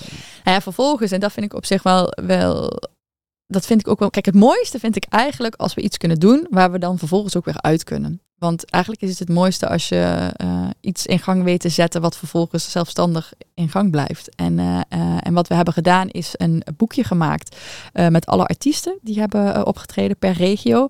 En dat we alle artiesten hebben gevraagd, oké, nou weet je wel, wat wil je graag verdienen? Wat, wat heb je nodig? En daar hebben we een heel mooi boekje van gemaakt. En dat boekje hebben we nog anderhalf jaar lang gratis verspreid onder al die zorgorganisaties. En ze konden het ook gewoon zelf. Ik bedoel, wij waren ook gewoon helemaal niet meer nodig. Want toen het eenmaal toen ze eenmaal wisten waar die artiesten zaten en hoe ze het konden regelen, ja, dan hoefden wij er ook niet iedere keer bij te komen staan. Nee, dus in feite hadden ze gewoon een soort playbook van uh, als je, als je, als je zo'n concert wil, dan kun je deze drie, moet je deze vijf stappen doorlopen. Ja, en denk even aan de veiligheid en zorg even daarvoor. En wij hebben daar de techniek gehuurd en uh, zo. Ja. En, uh, en dat, dat ging ook verder prima. Dus toen konden we eruit. 318 in drie maanden, dat is echt. Maar dan heb je dus sommige dagen heb je misschien al wel 10, 12 ja. concerten rond, rondrijden. Zeker, ja. Ja, ik snap zelf ook zeker niet het time hoe het ooit ging. maar ja, het, uh, je hebt er dan ook niet meer echt controle over natuurlijk. Nee, in de theorie werkte het niet. nee, in de theorie kon het niet. Maar uh, ja, maar het, het, ja, ik, ik kijk er ook nog wel... Het was een hele sippe periode op een bepaalde manier. En zeker voor de mensen die in het verpleeghuis woonden. Maar het was ook een hele mooie periode, weet je wel. De, de, samenhorigheid en, de, ja, en, het, en het groepsgevoel. En iedereen die iets voor elkaar wilde doen. Ja, ja. ja. Een ander, volgens mij in hetzelfde jaar, als ik me goed herinner, ook wel een soort hoogtepunt. Uh, denk ik, als ik het zo inschat, was, was dat je met Van Gogh Museum mocht samenwerken. Klopt, ja, dat was natuurlijk, dat, dat had ook met jou te... Of ja, nou, ja, met mij, met in ieder geval met Ardep in het netwerk uit, uit die club. Uh, ja, ja. In, in het eind van het, van het incuba, incubator traject. Klopt, inderdaad, uh, ja. ja. Hoe, hoe, is dat, hoe is dat verder gegaan? Nou ja, dat was natuurlijk voor ons is, is het ARDE-programma wat dat betreft ook wel echt heel uh, helemaal fantastisch uh, geweest. Want um, een van de dingen die wij daarin hebben ontwikkeld, onder andere onder leiding van jou, was um, uh, dat we heel graag met musea wilden samenwerken. En dat um, er vanuit ARDE eigenlijk allerlei contacten waren, ook met musea in Amsterdam, met Van Gogh Museum onder andere en Rijksmuseum. en, en we hebben toen en dat was dus ook nog in de coronaperiode. Want we wilden graag met musea samenwerken. En tegelijkertijd um, uh, waren de verpleeghuizen toen allemaal op slot. En dachten we van, oké, maar wat zouden we dan kunnen doen om uh, toch iets daar te doen? En zouden we dan niet misschien kunst naar binnen kunnen brengen, zodat mensen dan toch iets moois hebben om naar te kijken? Ja. Um, en, en zo ontstond een ideetje voor een plan om dus met een aantal musea kunst uh, eigenlijk naar het verpleeghuis toe te brengen. in de coronaperiode, maar zeker ook daarna, want voor veel mensen is überhaupt naar een museum gaan eigenlijk al te intensief. Ja. Dus toen hadden we daar een plantje voor bedacht. En toen hadden we de eind... Ja, wat was het? Eindbijeenkomst. Ja, dat pitch. Een pitch, ja, precies. En dan hadden jullie allemaal mensen uitgenodigd, waaronder die musea. En toen gingen wij zeggen van, nou, het lijkt ons wel heel tof om samen te werken met. En toen uh, zei uh, het Rijksmuseum, ja, we hebben al een beetje zo'n project, dus dat uh, is voor ons minder passend. Maar het Van Gogh zei meteen, yes, yes. En we hebben dus met hun inderdaad dat projecten gedaan. En met het Noord-Brabants Museum en het Valkhof Museum in Nijmegen. En, ehm, en het leuke is, ja, dat, dat, dat heeft echt een enorme, dat was een enorm succes. Dus we hebben samen met die musea en met ouderen en met zorg zorginstellingen. Hebben we uh, drie exposities ontwikkeld voor in het verpleeghuis. Um, en um, dat het is een project van een jaar geweest, dat is nu net afgerond. Maar we zijn dat nu eigenlijk landelijk aan het opschalen. Um, waarbij um, we zojuist ook nog door een uh, groot fonds zijn benaderd. Die heeft gezegd, wij vinden dat zo'n mooi project. Kunnen we niet kijken hoe wij jullie kunnen ondersteunen om dat ook echt groot te maken. Dus dat is voor ons natuurlijk fantastisch. Hè? Want uh, uh, ja, als sociaal ondernemer is je belangrijkste doel natuurlijk impact maken. En dat, ja, dat kunnen, als we landelijk kunnen, dan, dan, ja, dan maken we gewoon meer impact. Ja. Dus, ja. ja. Ja, want je zei net al, het is ergens mooi als je juist weer uh, misbaar bent achteraf. Mm -hmm. um, en je, je zit ook wel. Nou ja, wat me ook ingewikkeld lijkt, toch is dat je ja. iedere keer weer een nieuw project, die hele organisatie daaromheen, toch weer vormgeeft in hoe je, nou, waar je goed in wordt. Wat al, je hebt allemaal weer processen uitgedacht en je hebt weer ervaring opgedaan. Ja. Oké, okay, volgende uitdaging. En dan... Zeker, ja. Dus en... dat, dat is ook, de, um, daar zoeken we dan ook nog wel naar. Van wat, wat zijn dan uh, ja, hoe zorgen we ook dat de lessen die we leren, dat die geborgd zijn. Hè? En ook dat die, dat die dus nog verder kunnen. Nou, dat doen we onder andere door bijvoorbeeld trainingen te geven uh, aan zorgprofessionals over bepaalde dingen die we geleerd hebben. Yeah. Dus bijvoorbeeld samenwerken met andere organisaties. Hoe doe je dat nou en hoe betrek je dan die vrijwilligers? Wat weten wij daarvan? Wat kun je daar dan van leren? Dus dat is een manier. En tegelijkertijd proberen we ook bijvoorbeeld door um, en meer via design thinking te werken. Hè? Uh, om te kijken van oké, okay, die innovatietrajecten is ja, kunnen we, kunnen we, is dat dan steeds de rode draad eigenlijk die we hebben?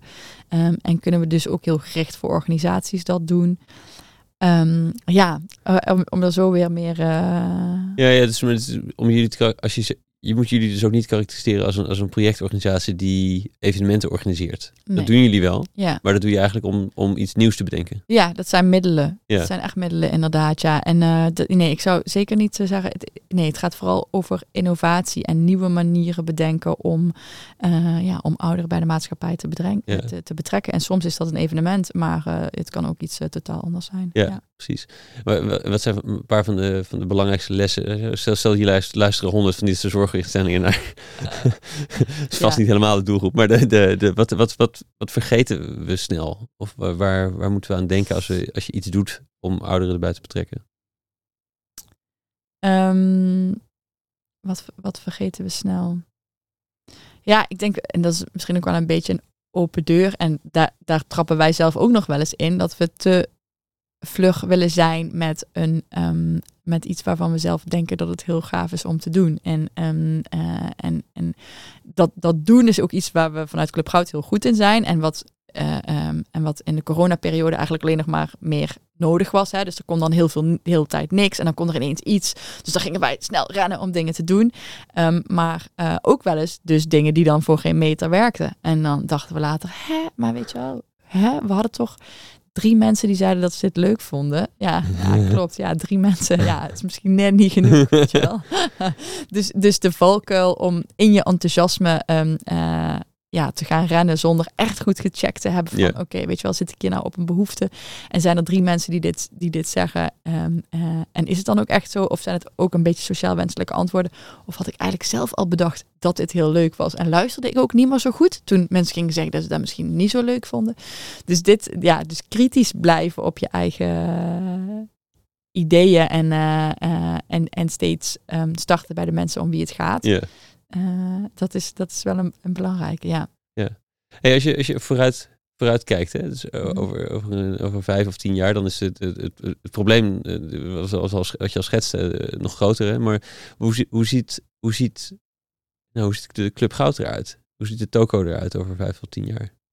Nou, in mijn droom ik heb steeds gezegd op tien plaatsen in Nederland uh, um, uh, in tien jaar. Dus dat betekent dat ik in 2027 vanuit tien steden eigenlijk zou, zou moeten opereren met allerlei uh, nou ja, innovaties en projecten. Um, maar kijk, waar het uiteindelijk is die vorm nog niet zo belangrijk. Hè? Maar waar het mij vooral om gaat, is dat we steeds meer echt een vaste, ja, hoe moet ik dat zeggen, een vaste waarde zijn in het betrekken van ouderen bij de maatschappij. Ja, maar ook als je net zegt, je zijn eigenlijk meer voor, er voor de innovatie. Dus het vooral belangrijk dat op, op, in de grotere steden of overal in Nederland de lessen van jullie Ja, zeker. Ja, ja dat worden. inderdaad. Ja, dus dat, dat zou heel mooi zijn dat als, als, dat, als je dus zo'n soort van eh, in iedere stad een club goud hebt, die dus daar lokaal ook heel goed kijkt wat werkt. Hè? Want sommige dingen natuurlijk die in Nijmegen werken, hoeven zeker niet in Eindhoven of in Den Bosch te werken.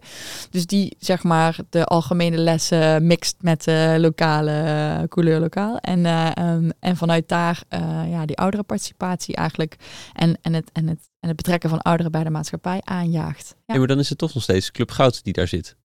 Of is het...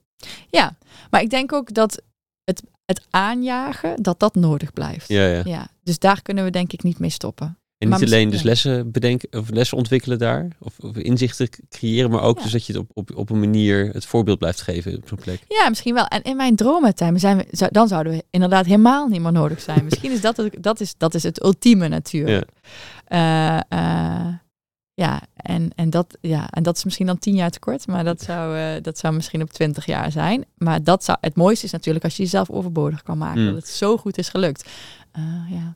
Hey, wat, wat is daarvoor nodig om daar te komen? Dus die, als we nog even terug gaan naar gewoon die tien plekken waar jullie zitten en, en, en daar overal projecten draaien. En, Maar een goede vraag, Tim. Ja, dat, dat probeer ik zelf ook goed duidelijk te krijgen wat daar allemaal voor nodig is. Ja, stel dat je er over nou- tien jaar bent, of over, over vijf Ja. jaar, of nou ja, ik geef je tien jaar. Hè, maar ja, oké, thanks. stel, je, stel je, bent er, je bent er over tien jaar, wat, wat heb je dan gedaan om dat mogelijk te maken? Ik denk dat het, dat het, dat het ook wel met, met het, het lef hebben te maken heeft, met lef hebben te maken heeft om gewoon sommige dingen al te doen zonder dat je dat, ehm, ja, zonder dat je daar bijvoorbeeld de financiële middelen al helemaal voor hebt. Dat, dat is dan ook altijd zo'n, eh, ja, dat zeg ik ook eerlijk, dat vind ik dan soms ook wel spannend, weet je wel. Eigenlijk zou ik nu bijvoorbeeld graag iemand in dienst willen, maar eigenlijk heb ik daar ook het geld nog niet voor. Weet je, ga je dan toch iemand aannemen eh, vanuit het idee van, oké, maar op het moment dat ik die heb, heb ik zelf ook meer tijd om geld binnen te halen, dus dan komt het wel goed. Of, weet Mm. je wel, ja, dus dat zijn wel een beetje van die ondernemerskeuzes, hè, van hoe, hoe, hoe doe je dat dan? En ook überhaupt als je gaat schalen, ja, maak je dan tien verschillende stichtingen? Of zijn het meer een soort van, eh, ja, of komen die mensen bij je in dienst die daar dan gaan werken? Nou ja, goed, allemaal dit soort keuzes. Ja, en, en je, ergens wil je heel graag ehm, proberen dat dan zo goed mogelijk van tevoren allemaal te bedenken. En tegelijkertijd denk ik ook, ja, weet je, je kan, dat, je kan het, je gaat gewoon iets doen. En dan, en, en dat is vooral de truc om het dan te gaan doen en dan te realiseren van, oké, oké, dit werkte niet. Ja, er moet dan toch weer iets anders zijn. En eh, ja, zoiets denk ik. ja, ja. Hey, ehm, Ja, het is ook best. Ik, ja, ik weet niet, misschien ook andere mensen die luisteren. Het is gewoon best wel lastig soms ondernemen. Meen je dat nou? Ja. Doe je dit nou, verdomme? Ja. Ja, ja, ja. Nou ja, soms, soms, soms springt er zoiets uit dat je denkt van ik weet dat ik dit moet doen en ik vind het gewoon rete moeilijk. En dat, dat is de, de bottleneck de hele tijd. ja, maar dat is ook het mooie, toch? Dat je iets doet wat ook rete moeilijk is, maar daar zit dan ook heel veel geluk uiteindelijk en zingeving in. Mm. Omdat, het, omdat het ook iets heel moeilijks is, snap je? En, en ik zei straks tegen jou, en dat voel ik ook echt zo van, het is er al. Het is, het is er gewoon al, weet je wel. Maar iemand moet het gewoon nog eventjes ehm, aanwijzen en bij elkaar zetten. Wat is het dan? Ja, gewoon het, d- dat oudere onderdeel van de, van de maatschappij zijn bijvoorbeeld. Je hebt daar ook zo'n hele mooie uitspraak van, van Nietzsche, weet je wel? Ik weet niet of je dat kent. Ik, ik, ik ken Nietzsche, maar Ja, ik weet niet zo precies. waar je op doelt. Hij zegt dan, eh, ik weet niet of ik het helemaal zo, maar hij zegt zoiets als: eh, And those who were seen dancing were thought to be insane by those who could not hear the music. Hmm. Ik kan dat niet zo mooi in het Engels uitspreken, maar dat, dat vond ik altijd, dat, dat, dat resoneerde altijd heel erg bij mij of zo. Omdat ik dacht, ja, maar dat is het ook. Het, weet je, eigenlijk eh, dat wat het moet zijn of zo, dat hangt al zo in de lucht, maar het moet gewoon nog bij, ja, het moet nog bij elkaar gezocht worden. Hmm. Zo voelt het een beetje. Ja, is een beetje een gewetensvraag, maar hoe zie jij jezelf gespiegeld in de club die je hebt gebouwd? Ehm, ik denk dat ik. eh, dat is een goede vraag, hè? Het lijkt een beetje op het eh, boek wat jij mij had aangeraden ook, hè? Reboot? Reboot, ja. ja. Dat is wel een vraag die hij ook zou kunnen stellen, denk ik. Nou, dat, dat is wel heel mooi, want dat, dat zet je wel aan het denken. En ik denk dat de, ehm, de, de dingen voor elkaar krijgen, modus, Aha. die, die zie ik heel erg gespiegeld in Club Goud. En misschien soms ook het, ehm, het, het, het moeilijk vinden om te kiezen.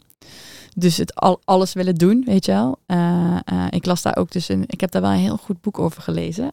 Dat noemde ik jou ook, hè? Dat heet Essentialisme van. ehm, ik heb het Ewan-. Hij heeft een hele moeilijke achternaam. ik wou zeggen McGregor, maar dat is niet. Met- Ja, hij heeft, Dat is die andere. Ja, precies. Shit. Hij heeft een hele moeilijke achternaam. Hij heet Greg McEwen. Ja, shit. Ja, Ja, ja, zo ja, heet hij. Eh, eh, eh, minder maar beter. dat is de, de, de tagline. En eh, ja, dat, dat vond ik wel. Een, dat, ik heb volgens mij nog nooit zoveel aangestreept als in dat boek. Weet je? Ja, ja. Want ik dacht, oh, dit is echt zo herkenbaar. Dus, dus zo zie ik mezelf ook wel gespiegeld. Dus gewoon heel veel voor elkaar willen krijgen. ehm, eh, ja, en, en daar, daardoor soms heel hard rennen en een beetje vergeten om. eh, Net iets te veel gedaan. Of net iets te weinig met aandacht kunnen doen. Ja, of, of, of misschien nog eventjes wachten eh, met iets doen, maar eerst nog even heel goed nadenken of zo. En, en ergens ehm, probeer ik daar ook wel heel bewust dan mensen om me heen te verzamelen die dat vertragen wel heel goed kunnen. Ja. Ehm, eh, ja, omdat het, eh, omdat het een valkuil is. Ja, Dus dat je daar, eh, ja, dat je, dat je, dat je, ik denk dat een kracht ook is dat je kan zien waar je valkuilen zitten en dat je dus probeert mensen daarbij te vinden die je daarin kunnen helpen, ook al vind je dat dan niet altijd leuk. Zo, ver, zo vertrager. Zo vertragen, ja zeker. Die dan gaat zeggen van nee, Monique, we gaan eerst heel even nadenken. Nee, nee, nee, ik heb al gebeld, zeg ik dan. Nee, nee. ik kan niet meer terug. Nee, precies. nee, maar ik, ik, ik ben ook niet, eh, ik kan gelukkig wel, eh, ja, denk ik wel redelijk luisteren. Ik weet niet, als nu misschien mensen die bij mij werken. Het zijn die dingen die moeilijk zijn om over jezelf te zeggen. Ja, Ja, die doen nou ja. zo'n geluid van hun hoofd afzagen, zeg maar. Nee, luistert voor geen meter. Nee, Nee, zitten gezamenlijk te luisteren naar. Ja, Ja. precies. Ja.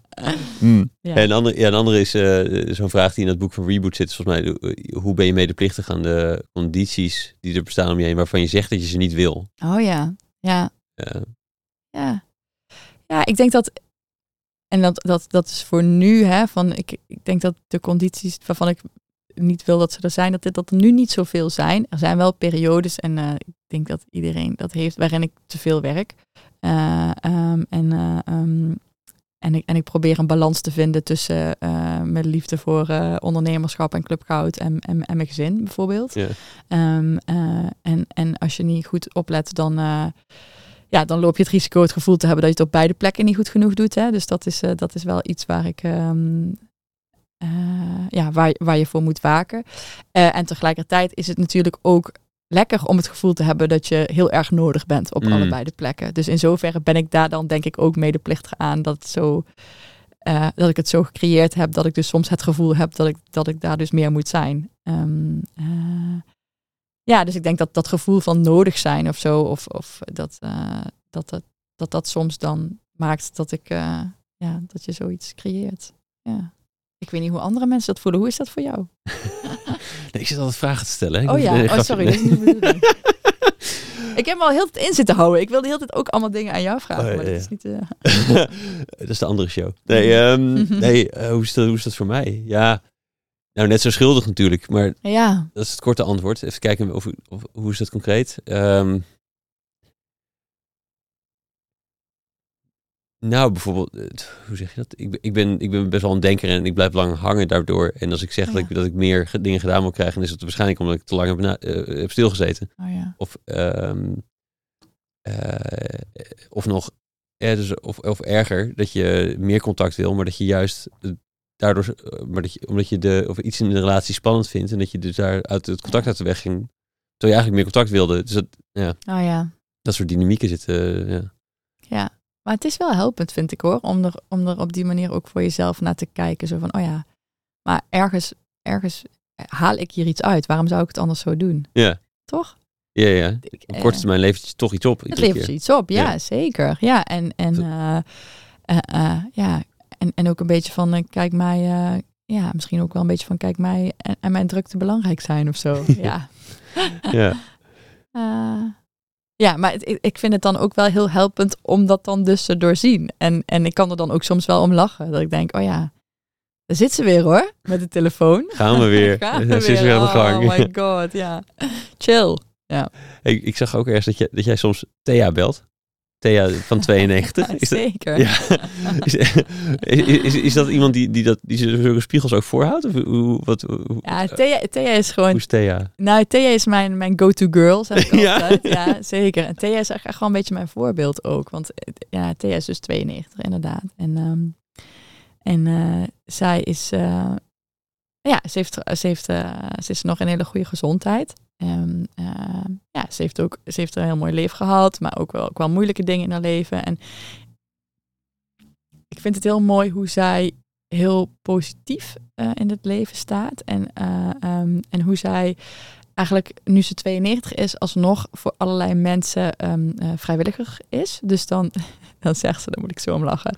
Dan gaat ze dus bij... Um, bij de oude besjes op bezoek. Maar die zijn dan wel tien jaar jonger dan dat zij zelf zijn, weet je wel. Dus je denkt, oh heerlijk. En ze heeft dan ook uh, ja, de, de meisjes van de benedenstad. Niemand onder de tachtig, weet je wel. Zo. Meisjes van de ja, dat vind ik, ja, dat vind ik gewoon heel mooi aan haar. En ze, en ze rijdt ook nog auto, weet je wel. Ze heeft een mooi huis. En, ja, ja. en zij, zij helpt dus ons vaak als we dingen hebben waarvan we denken... hé, hey, hoe moeten we dit nou doen? En um, vergeten we nou niet iets... We hebben natuurlijk een, een, een heel aantal ouderen die we steeds raadplegen voor... Um, ja, die we betrekken bij ons project, uh, waarmee we dan in gesprek gaan. En zij, ja, zij is gewoon zo'n vaste, vaste kracht. En wat wel heel grappig is, ik weet niet of je het ooit hebt verteld, maar toen ik dus begon met Club Goud, um, toen, um, ik weet ook nog, was volgens mij een woensdag of zo, toen had ik, uh, nou had ik die website gemaakt en uh, dat ging toen ook nog echt heel, was nog wel een beetje de focus op maatjes. En um, toen had ik dat online gezet en ja, snap je hoe dat gaat, en heb je dan dus heel lang over nagedacht en dan ga je dus zo met samengeknepen billen publiceren, weet je wel. En uh, nou, dus zat ik dan. Ik dacht, oh nou, hopelijk gaat er iemand bellen. Dus en volgens mij op dag twee uh, ging de telefoon. Ik dacht, yes, hè, daar hebben we iemand. Ja, ja. hallo Monique met Thea. Ik heb net op jouw website zitten kijken. En um, had je toen al door dat ze 92 was? Nee, nee, nee. En, ja, nee, en, ja. en, ik wil graag, ja, ik wil wel graag vrijwilliger bij jou worden. Dus ik zei, oké, okay, ja, Thea. Ik zei, ja, uh, ja, uh, ma ja, mag ik dan, uh, ja, ik zei, mag ik vragen dan hoe, hoe oud jij, hoe oud jij bent? En zei ze, ja, nou, mag wel, Monique. Ik ben, ja, ik ben twee achtjes. Ja, dat was natuurlijk eerst, ja, vijf jaar geleden. Twee achtjes ben ik. Ik zei, oh ja, oké, okay, dus 88 dan toch? Ja, ja, 88.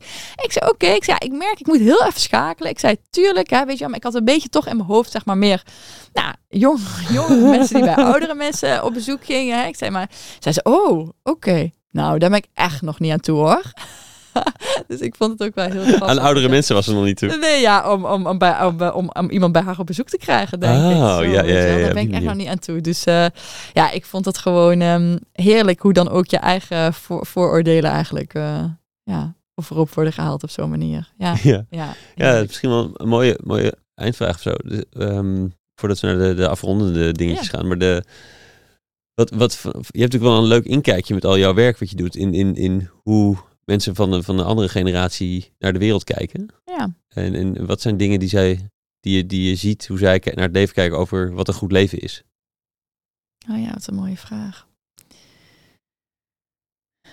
Ja, dat is, dat is wel moeilijk om daar een soort van een, uh, een eenduidig antwoord ja, op te ik. geven. Ja. Want het, um, uh, uh, ja, ik, ik denk misschien het wat ik de gesprekken die ik daarover heb gevoerd en wat in ieder geval mij ook wel is, um, is bijgebleven, is een bepaalde mildheid of zo. Uh, uh, die mensen kunnen hebben. Dat vind ik ook heel mooi. Dat probeer ik zelf ook. Um, ja, dat, dat, dat, probeer dat, dat zelf ook op die manier in het leven te staan. Hè? Dus, dus heel, mild te zijn. En, uh, um, en dat niet alle oudere mensen, moet ik zeggen hoor. Sommige mensen die worden ook juist een beetje pennig met het ouder worden.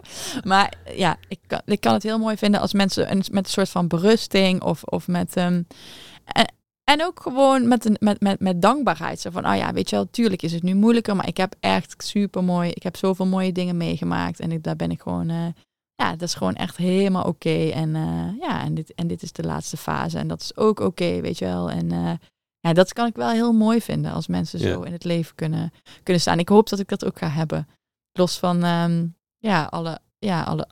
Kijk, het is ook niet altijd het mooiste stuk, hè, het laatste stuk. En, en, en als ik bijvoorbeeld aan Wim terugdenk, die gewoon in de laatste maanden gewoon echt fysiek super slecht werd. En mm. ja, niet meer kon praten, weet je wel. En dat, en dat nog wel heel goed meemaakt. En zo, ja, dat is natuurlijk wel heel sip ook, snap je. En uh, ja, en daar dan toch nog een soort van berusting in kunnen vinden. En uh, dat, zou, dat, zou ik, dat hoop ik dat ik op die manier ook Mm. oud mag worden. Ja.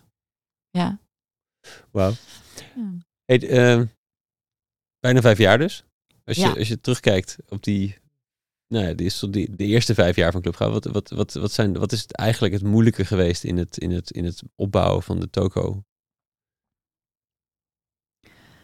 Um, ja. Ja, dat vind ik best wel een moeilijke vraag om daar één ding uit te halen, Tijmen. Ja. is vaak een beetje, wat, in ieder geval iets wat, wat was onverwachts moeilijk. Wat bleek moeilijker dan je vooraf eh, bedacht had dat het ingewikkeld zou zijn. Ik vind de administratie serieus echt heel ingewikkeld. maar dat is ook omdat het niet zo... Nee, dat is een beetje flauw, maar dat is, dat is wel serieus bij een stichting die met project... Nou, ik weet niet of er mensen luisteren die ook in stichting werken met... Dat is echt ingewikkeld. Maar goed, dat, dat, dat vond ik wel ingewikkeld. Maar ook om... ehm, ja, nou, ik bedoel, voor ons is de, de coronaperiode was natuurlijk wel, wel moeilijk. En ik kan ook wel. ehm, ik kan soms wel dat. Ja, misschien is, is het dat wel. Hè? We, we- zeggen wel eens. eh, ehm, eindeloos optimistisch. Hè? Dus man, manisch optimistisch zijn wij gewoon echt. Manisch positief. Eh, maar eh, ik kan soms wel ver- verdrietig worden, bijvoorbeeld, van ehm, dat, dat het natuurlijk, het is zo'n uitdaging die er ligt in de ouderenzorg. En, en eenzaamheid is zo'n, ja, is zo'n groot thema, weet je wel. En, en, dan, en dan doe je zo je best, zeg maar, op je vierkante centimeter. En soms kan ik wel sip worden als ik denk van, oh, ja, hoe, hoe, hoe gaan, we dit, hoe gaan we dit fixen? Ja, je zo. voelt die grootsheid van het probleem. Soms, ja, Ja. dat kan ik soms voelen. Ja, en, en, en dat sterkt me enerzijds heel erg in, in eh, dat ik moet doen wat ik doe. Maar anderzijds kan het soms ook wel voelen als, eh, ja, hoe, ga, hoe, ga, hoe, hoe doen we dit, lieve mensen? Hoe gaan we dit? Hoe gaan we zorgen dat dit niet zo'n enorme sociale ramp wordt eigenlijk? En eh, vooral ook gewoon gezien dat er gewoon steeds meer ja, ouderen komen, de dubbele vergrijzing en steeds meer mensen met dementie. En dat dat gewoon een groep is die daar gewoon heel ja, vatbaar voor is. Dat, eh, ja, daar kan ik het. Toevallig hadden we vanochtend bijvoorbeeld een overleg waarin we dan een project evalueerden. En waar dus bijvoorbeeld heel erg uitkwam dat we dus voor juist voor die dat het, dat het goed was gelukt. Behalve dus voor een groep, voor de groep van mensen met dementie, omdat het gewoon ook heel lastig is. En daar kan ik dan, dat had ik misschien van tevoren eh, ja, niet, niet zo. Dat, dat, dat kan me dan nog wel heel erg raken. Dat ik dan denk van. Ik wil gewoon Ja, dat het ook ja. lukt. Ja. ja. En dat is, ja, precies. Het is super moeilijk als je met alle goede, met alle optimisme en goede bedoelingen er zo dicht op zit. Dat je Ja. ook ziet wat, je nog niet, wat er nog niet... het nog niet lukt. En soms is dat ook moeilijk. Dat het, het, is ook, eh, het zit zo dicht bij je hart, snap je? En dat is wat het heel mooi maakt. Maar dat is ook wat het misschien wel extra moeilijk maakt. Want het is dan ook misschien moeilijker om het eh, soms gewoon heel objectief te bekijken. Soms kunnen wij dingen niet doen omdat we er niet voor betaald krijgen, bijvoorbeeld. Ja. Ja. snap je? Dan moet je gewoon zeggen van ja. En we schaken op twee borden. Hè? Dus enerzijds moeten we impact maken, maar anderzijds moeten we ook geld verdienen. En soms krijgen we bijvoorbeeld vragen. Ja, en dan, dat, dat kan dan niet, want dan, dan is er geen geld. En dan vind ik het wel heel moeilijk om dan nee te zeggen. En zo, zo was er bijvoorbeeld ook ooit, dat vond ik ook heel lastig. Ja, werd ik benaderd door iemand zei, ja, ik zit in de gehandicaptenzorg. En ehm, eh, ja, de dingen die jij doet, die zouden ook zo relevant zijn voor de gehandicaptenzorg. Maar ja, dat ik zei, ja, dat snap ik, maar dat, dat kan niet. Dat, dat, dat kan ik niet gaan doen, want de- ik, moet, ik moet dit zeg maar doen. Maar ik snap zo goed wat jij zegt, want dat denk ik ook. Maar alsjeblieft, vind mij iemand die een hart heeft voor de gehandicaptenzorg. Ja, ja, ja. En die mag alles van me hebben, weet je wel? Maar echt alles. Eh, want, want ja, daar is net zoveel eenzaamheid, denk ik. Nee, precies, maar niet al je aandacht. want die gaat Ja. nu hierheen. Nee, Ja, precies. ja. En ik kan niet alles, snap je? Dus soms dan, eh, dan kan ik dat wel... eh, ja, dat kan me wel raken of zo. Dat ik denk van, ik wil het dan... ja, ik zou zo graag willen dat je dat dan allemaal kon doen. Nou Ja, dat is moeilijk. Het is moeilijk. Dat kan niet. Minder. Minder doen, maar dan groter en beter eigenlijk. Ja. Ja. Wauw. Mm, we, ga- we gaan een beetje richting af, afronding. ja, we zitten ook al heel lang te kletsen. Hè? Al- Ja, we zijn een beetje lang te kletsen. Ja. Maar nee, ehm, ehm, ik, ben, ik ben continu geboeid. Dus dat, gaat, dat is moeilijk, Mm. moeilijk eerder stoppen. Ehm, wat ik wel grappig, dus ik heb, ik heb zelden dat, nou, een paar, paar ook, maar zelden een gast waarbij al vooraf zoveel boeken heen en weer gingen, die, waar die we Ja. allebei denken, ja, die en die en die en die. Ja. Dus ik ben Ja. erg benieuwd wat er gebeurt als ik vraag, eh, wat, wat, wat inspireert jou? En dat misschien een boek, maar misschien ook wel niet. Ja. Eh, Nou ja, we hadden het net al heel even over. Ik ben, eh, ik ben een enorm fan van Sam Harris. Dat vind ik gewoon een heel, ja, zeg maar, interessante denker. En eh, eh, hij heeft een heel mooi boekje over de vrije wil bijvoorbeeld geschreven. En eh, ik kan heel erg genieten van, nou ja, de, de, ehm, ja, de, de manier waarop hij, hij kijkt naar hoe de, de wereld eigenlijk in elkaar zit. Dat vind ik heel mooi. Ehm, dus, dus ik vind Sam Harris en alles wat hij geschreven heeft, vind ik, vind ik super interessant. Maar als je het bijvoorbeeld over, ja, over fictie hebt, dan, hou ik weer, dan kan ik weer enorm geïnspireerd zijn door, eh, door alles van Murakami bijvoorbeeld. Oh ja. Japanse schrijver, vind Ja. ik heel mooi. Ja, eh, heb ik echt het idee alsof ik op vakantie ben geweest of zo, als ik dan een boek van hem heb gelezen. Welke weet je. zou je eh, aanraden om mee te starten? Ja, ja, ja, ik vind die trilogie bijvoorbeeld heel mooi. Is dat 1Q84? Ja, Die, ja, die vind ik, die vind ik heel tof. Ehm, ja, ja, eigenlijk allemaal. Ja, behalve die van eh, als je van hardlopen houdt, dingen waar je over praat als je van hardlopen houdt. Ja, die vond ik ook wel weer leuk, maar meer omdat ik dan op zich ook wel van hardlopen hou. Dus, maar als je dus als je gewoon iets wil gaan lezen van, eh, van Murakami, ja, ja je, mag, je kan overal beginnen, want het zijn, ja, het zijn een beetje magisch realistische verhalen. Ik vind dat heel mooi. Ik heb alleen eh, Kafka on the Shore gelezen, Oh ja, volgens mij. Ja. Die, die vond ik ook heel Ja. leuk. Ook Maar- precies wat je zegt, zo magisch realistisch. Ja. Ja. maar Dimitri Verhulst bijvoorbeeld kan ik enorm om lachen. Vlaamse, Oh ja. Vlaamse schrijver. Maar dat is meer dan in, in de fictie, ja, en in qua management eh, boeken. Ehm, ik heb nu, eh, ik heb nu net, vond ik ook heel interessant van eh ehm, eh, Damian Denis. Dat is een hoogleraar psychiatrie en filosoof. Hoogleraar in Amsterdam. Bij de UvA, geloof ik. En hij heeft een boek geschreven, Het tekort van het teveel. Ah, En dat gaat over zijn analyse van de GGZ-zorg in Nederland. En ehm, hoe eigenlijk we 7,5 miljard per jaar uitgeven aan geestelijke gezondheidszorg. En dan vervolgens alsnog 90.000 mensen op een wachtlijst staan. En, en hoe dat dus kan en welke dynamieken daarin spelen en hoe hij daarnaar kijkt. Mega interessant ook. Dus dat is weer iets heel iets anders. Ehm, ja, ja, maar wel boeiend. Ja. Met alle goede bedoelingen, eh, iedereen Ja. ziet het en Ja. toch... En hoe meer, er geld, hoe meer geld er naartoe gaat, hoe slechter het geregeld lijkt. Ja, Ja, dat is echt heel interessant. eh, ja, meer op een soort van maatschappelijke, sociologisch, eh, socio- sociologisch niveau. Ehm, ja, dus zo kan ik nog wel even doorgaan. eh, Doe nog eentje dan, Tijmen. nog eentje dan. Ja, ik word ook heel blij van het boek eh, Man's Search for Meaning. Dat is een Mm. beetje klassieker natuurlijk. Die heb ik pas weer een keer herlezen. Maar ik... eh, eh, ehm, ehm, Van eh, Viktor Frankl. Viktor Frankl. Ja, precies over iemand die in Auschwitz is en eh, hoe je toch eh, ja, hoop, hoop kan vinden. Ja. In ja, wat denk ik zo'n beetje de meest moeilijke omstandigheden denkbaar zijn. Super mooi. ja, en zo heb ik, ik, ik. Ben ook heel blij met mijn dankboek van die leuke jongen van de correspondent. Waar Gert-Jan dan- Fout. ja, Ja. die inderdaad, waar ik dan dingetjes in kan schrijven, waar ik blij van ben geworden die dag. Ja, lezen is sowieso wel, ja, vind ik wel heel fijn. Ja, mooi. Ja. Mooi. Hey, stel er luistert iemand en die denkt, Monique van Club Goud, daar wil ik mee samenwerken. Wie zou, je had het Van Gogh, had je eerst op de droomlijst staan, maar nu, eh, wat, wie, wie, wie, wie staat nu op nummer 1? Ja, ik vind het Museum voor Linden in Wassenaar, dat is wel echt, eh, dat vind ik zelf gewoon een super mooi museum. Dus het lijkt me heel gaaf om iets met hun samen te doen. Maar ja, weet je, ook bijvoorbeeld eh, de Zwarte Cross of eh, ja, gewoon een grote, groot festival. Ja, daar word ik ook wel heel blij van. Zwarte Cross, wat schit- schitterend. Ja. het lijkt me ook echt te gek om daar iets mee, mee te doen. Of een, ja, nee, ja, het Zwarte Cross lijkt me wel heel gaaf ook, inderdaad. Ja. Hey, we gaan afronden. Ik wil, Ja. ik wil je eh, hartelijk bedanken Ja. voor, voor simpelweg je zijn vandaag en zo, maar eigenlijk meer nog voor de tomeloze energie, optimisme en de drive die je hebt om, eh, om, om, om de situatie te verbeteren. Ja. Eh, tegen alle hopeloosheid toch optimistisch blijven. Dat is heel knap. En dankjewel. En ik hoop dat echt al heel Nederland van, die, van die lessen gaat leren en met jullie gaat samenwerken om Ja. het te, te verbeteren. ja. Super, dankjewel. Dankjewel. Lief. Joep. Normaal zou ik nou jou vragen om op een rood knopje in de tafel. Kijk, luisteraars krijgen echt een hartverzakking hiervan, maar de rode knop is niet op tafel. Ik ga, ik ga hem uitzetten. Oké. kan ik dit dan ook uitgaan? Ja, dat was hem alweer. Dankjewel voor het luisteren. Wil je zeker weten dat je de volgende aflevering ook vindt? Abonneer je dan op de podcast. Je weet hoe dat werkt in de app die je gebruikt. Weet ook dat ik van alle afleveringen uitgebreide show notes met de lessen en de links uit het interview maak. Deze vind je op www.studiogeorge.nl slash podcast. En ik ben heel benieuwd hoe je het gesprek vond. Waar kon je geen genoeg van krijgen of waar zou je meer van willen horen tijdens de gesprekken?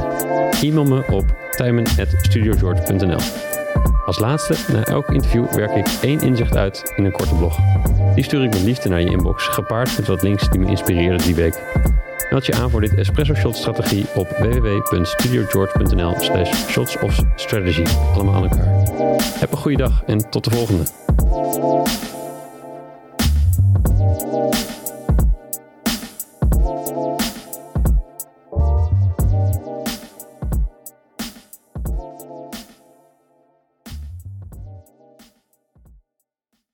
Ja, ik ben zelf groot fan ook van Sam Harris. Ken je hem? Ja, Ja? de Waking Up app. Ja, zeker. Ja. Heb je die ook? Ja. Oh, fantastisch is die toch? Ik, ben, eh, ik had vroeger altijd had ik, eh, Andy van Headspace. Ja, ja, ja precies. En toen dacht ik, ik wil weer wat serieuzer oppakken. Ehm, dus nu ben ik ook, toen heb ik die van hem geprobeerd, ja. Die beviel wel. Die heeft dus een andere in, insteek. En dat, ik merkte vrij snel dat ik echt anders ervaarde daardoor. Ja, ja. Ja. Ik ben daar echt, ik vind daar echt, ik ben echt groot fan van Sam Harris sowieso. En het zijn, ik heb trouwens dit weekend dat boek gelezen wat jij me hebt aangeraden. Reboot. Ja, Echt? Ja, zeker. Wat goed. Want iemand stuurde mij toch welk boek moet ik Ja, hier ja, ja. doen. Toen stuurde ik toch, nou, en toen kreeg ik dus dat boek een week later. Maar je hebt het ook in een weekend gelezen, hè? Het is ook niet eh, zo dik, zal ik maar zeggen. Dus ik heb eventjes lekker gescrolld, ja. Ik vond het wel goed, hoor. Ja, Ja, leuk. Ja, zet me echt aan het denken over een paar dingen. wat goed. Ja. Ik ben benieuwd. Ga ik zo naar vragen. Want Niemand leest dit boek altijd en ik zeg het altijd. Ja, ik luister wel gewoon als jij iets zegt, Tijmen. Ja. Zo was al zijn rol verdelen. Ja, toch? Jij zei iets en ik luisterde dan. Ja. Dat was het. Ja, mooi. Ehm, maar wat zou je zeggen over Sam Harris? Nou, Sam Harris, ik ben sowieso, ik, ik ben gewoon eindeloos eh, geïntrigeerd door, eh, ja, door de vrije wil en wat hij daarover te zeggen heeft. Maar ook, eh, ja, er staan gewoon super mooie gesprekken op, vind ik, op die app. En nu ook weer alles van Alan Watts, weet je wel, vind ik Mm. fantastisch. En ja, ik ben daar gewoon wel heel veel in geïnteresseerd. Maar ik heb het er niet zoveel over. Het is wel grappig, omdat het... ehm, ja, er zit ook wel iets in van dat je snel een beetje in een bepaalde hoek of zo eh, lijkt te worden. En dat vind ik dan ook wel heel weer interessant aan hem. Hij bekijkt het ook vanuit heel soort van wetenschap, wetenschappelijk oogpunt, hè, meditatie en, en het gevoel dat je een ik hebt en nou ja, goed, dat soort dingen. En wat ik heel leuk vind, dat heeft niet zoveel, nou, een klein beetje met hem te maken. Hij heeft een vrouw, Annika Harris, en zij heeft een superleuk boekje geschreven en dat heet Consciousness, bewustzijn. Ik kan het niet zo mooi uitspreken, maar bewustzijn in het Engels. Ja, en ik kan intens genieten van het, het, het mirakel wat dat zeg maar is. En, en dat gevoel van, oh weet je wel, van eh, we weten daar eigenlijk zo weinig van. En hoe dat werkt. En dat heeft zij in een heel mooi boekje, heeft zij eigenlijk alle, alles wat we er wel van weten. eh, eh, samengevat. En nou ja dat, ja, dat vind ik heel tof. En, en zij zijn het met elkaar eens overigens? Ja. Over wat dat is? Nou ja, zij zijn het erover eens dat, je, dat we daar nog vanuit wetenschappelijk oogpunt super weinig van af weten. Ehm, en eh, ja, of ze het daarover helemaal met elkaar eens zijn, dat, kan, dat vind ik wel moeilijk om te zeggen. Want hij zegt eigenlijk meer, het is eigenlijk, het is eigenlijk heel simpel. Het is gewoon, het is gewoon is wat het is. consciousness. Het is wat het is. Ja, Het is een soort emergent principe uit, uit alle neuronen en, en, en de... ja maar hij baseert zich volgens mij vooral ook wel altijd heel erg op de eigen ervaring. Zo van vanuit de eigen ervaring i- i- is dit wat het is. En vanuit, ehm, nou ja, vanuit wetenschap kan je er natuurlijk weer vanuit allerlei andere kanten naar kijken. En wat daar ook interessant aan is, vind ik, is dat de wetenschap wordt natuurlijk als de waarheid dan gepresenteerd. Dan zeg ik niet dat dat niet de waarheid is, maar er zijn natuurlijk andere gezichtspunten denkbaar. Want wij zien het vanuit ons mens zijn, zien wij. Mm, Het is natuurlijk, het is de realiteit gezien van, van on- vanuit ons als mensen. Maar bijvoorbeeld vleermuizen zien totaal andere dingen als wat wij zien. En dat vind ik ook heel interessant. Ja, weet je wel? Dat, eh, maar goed, dat is een hele andere interessegebied.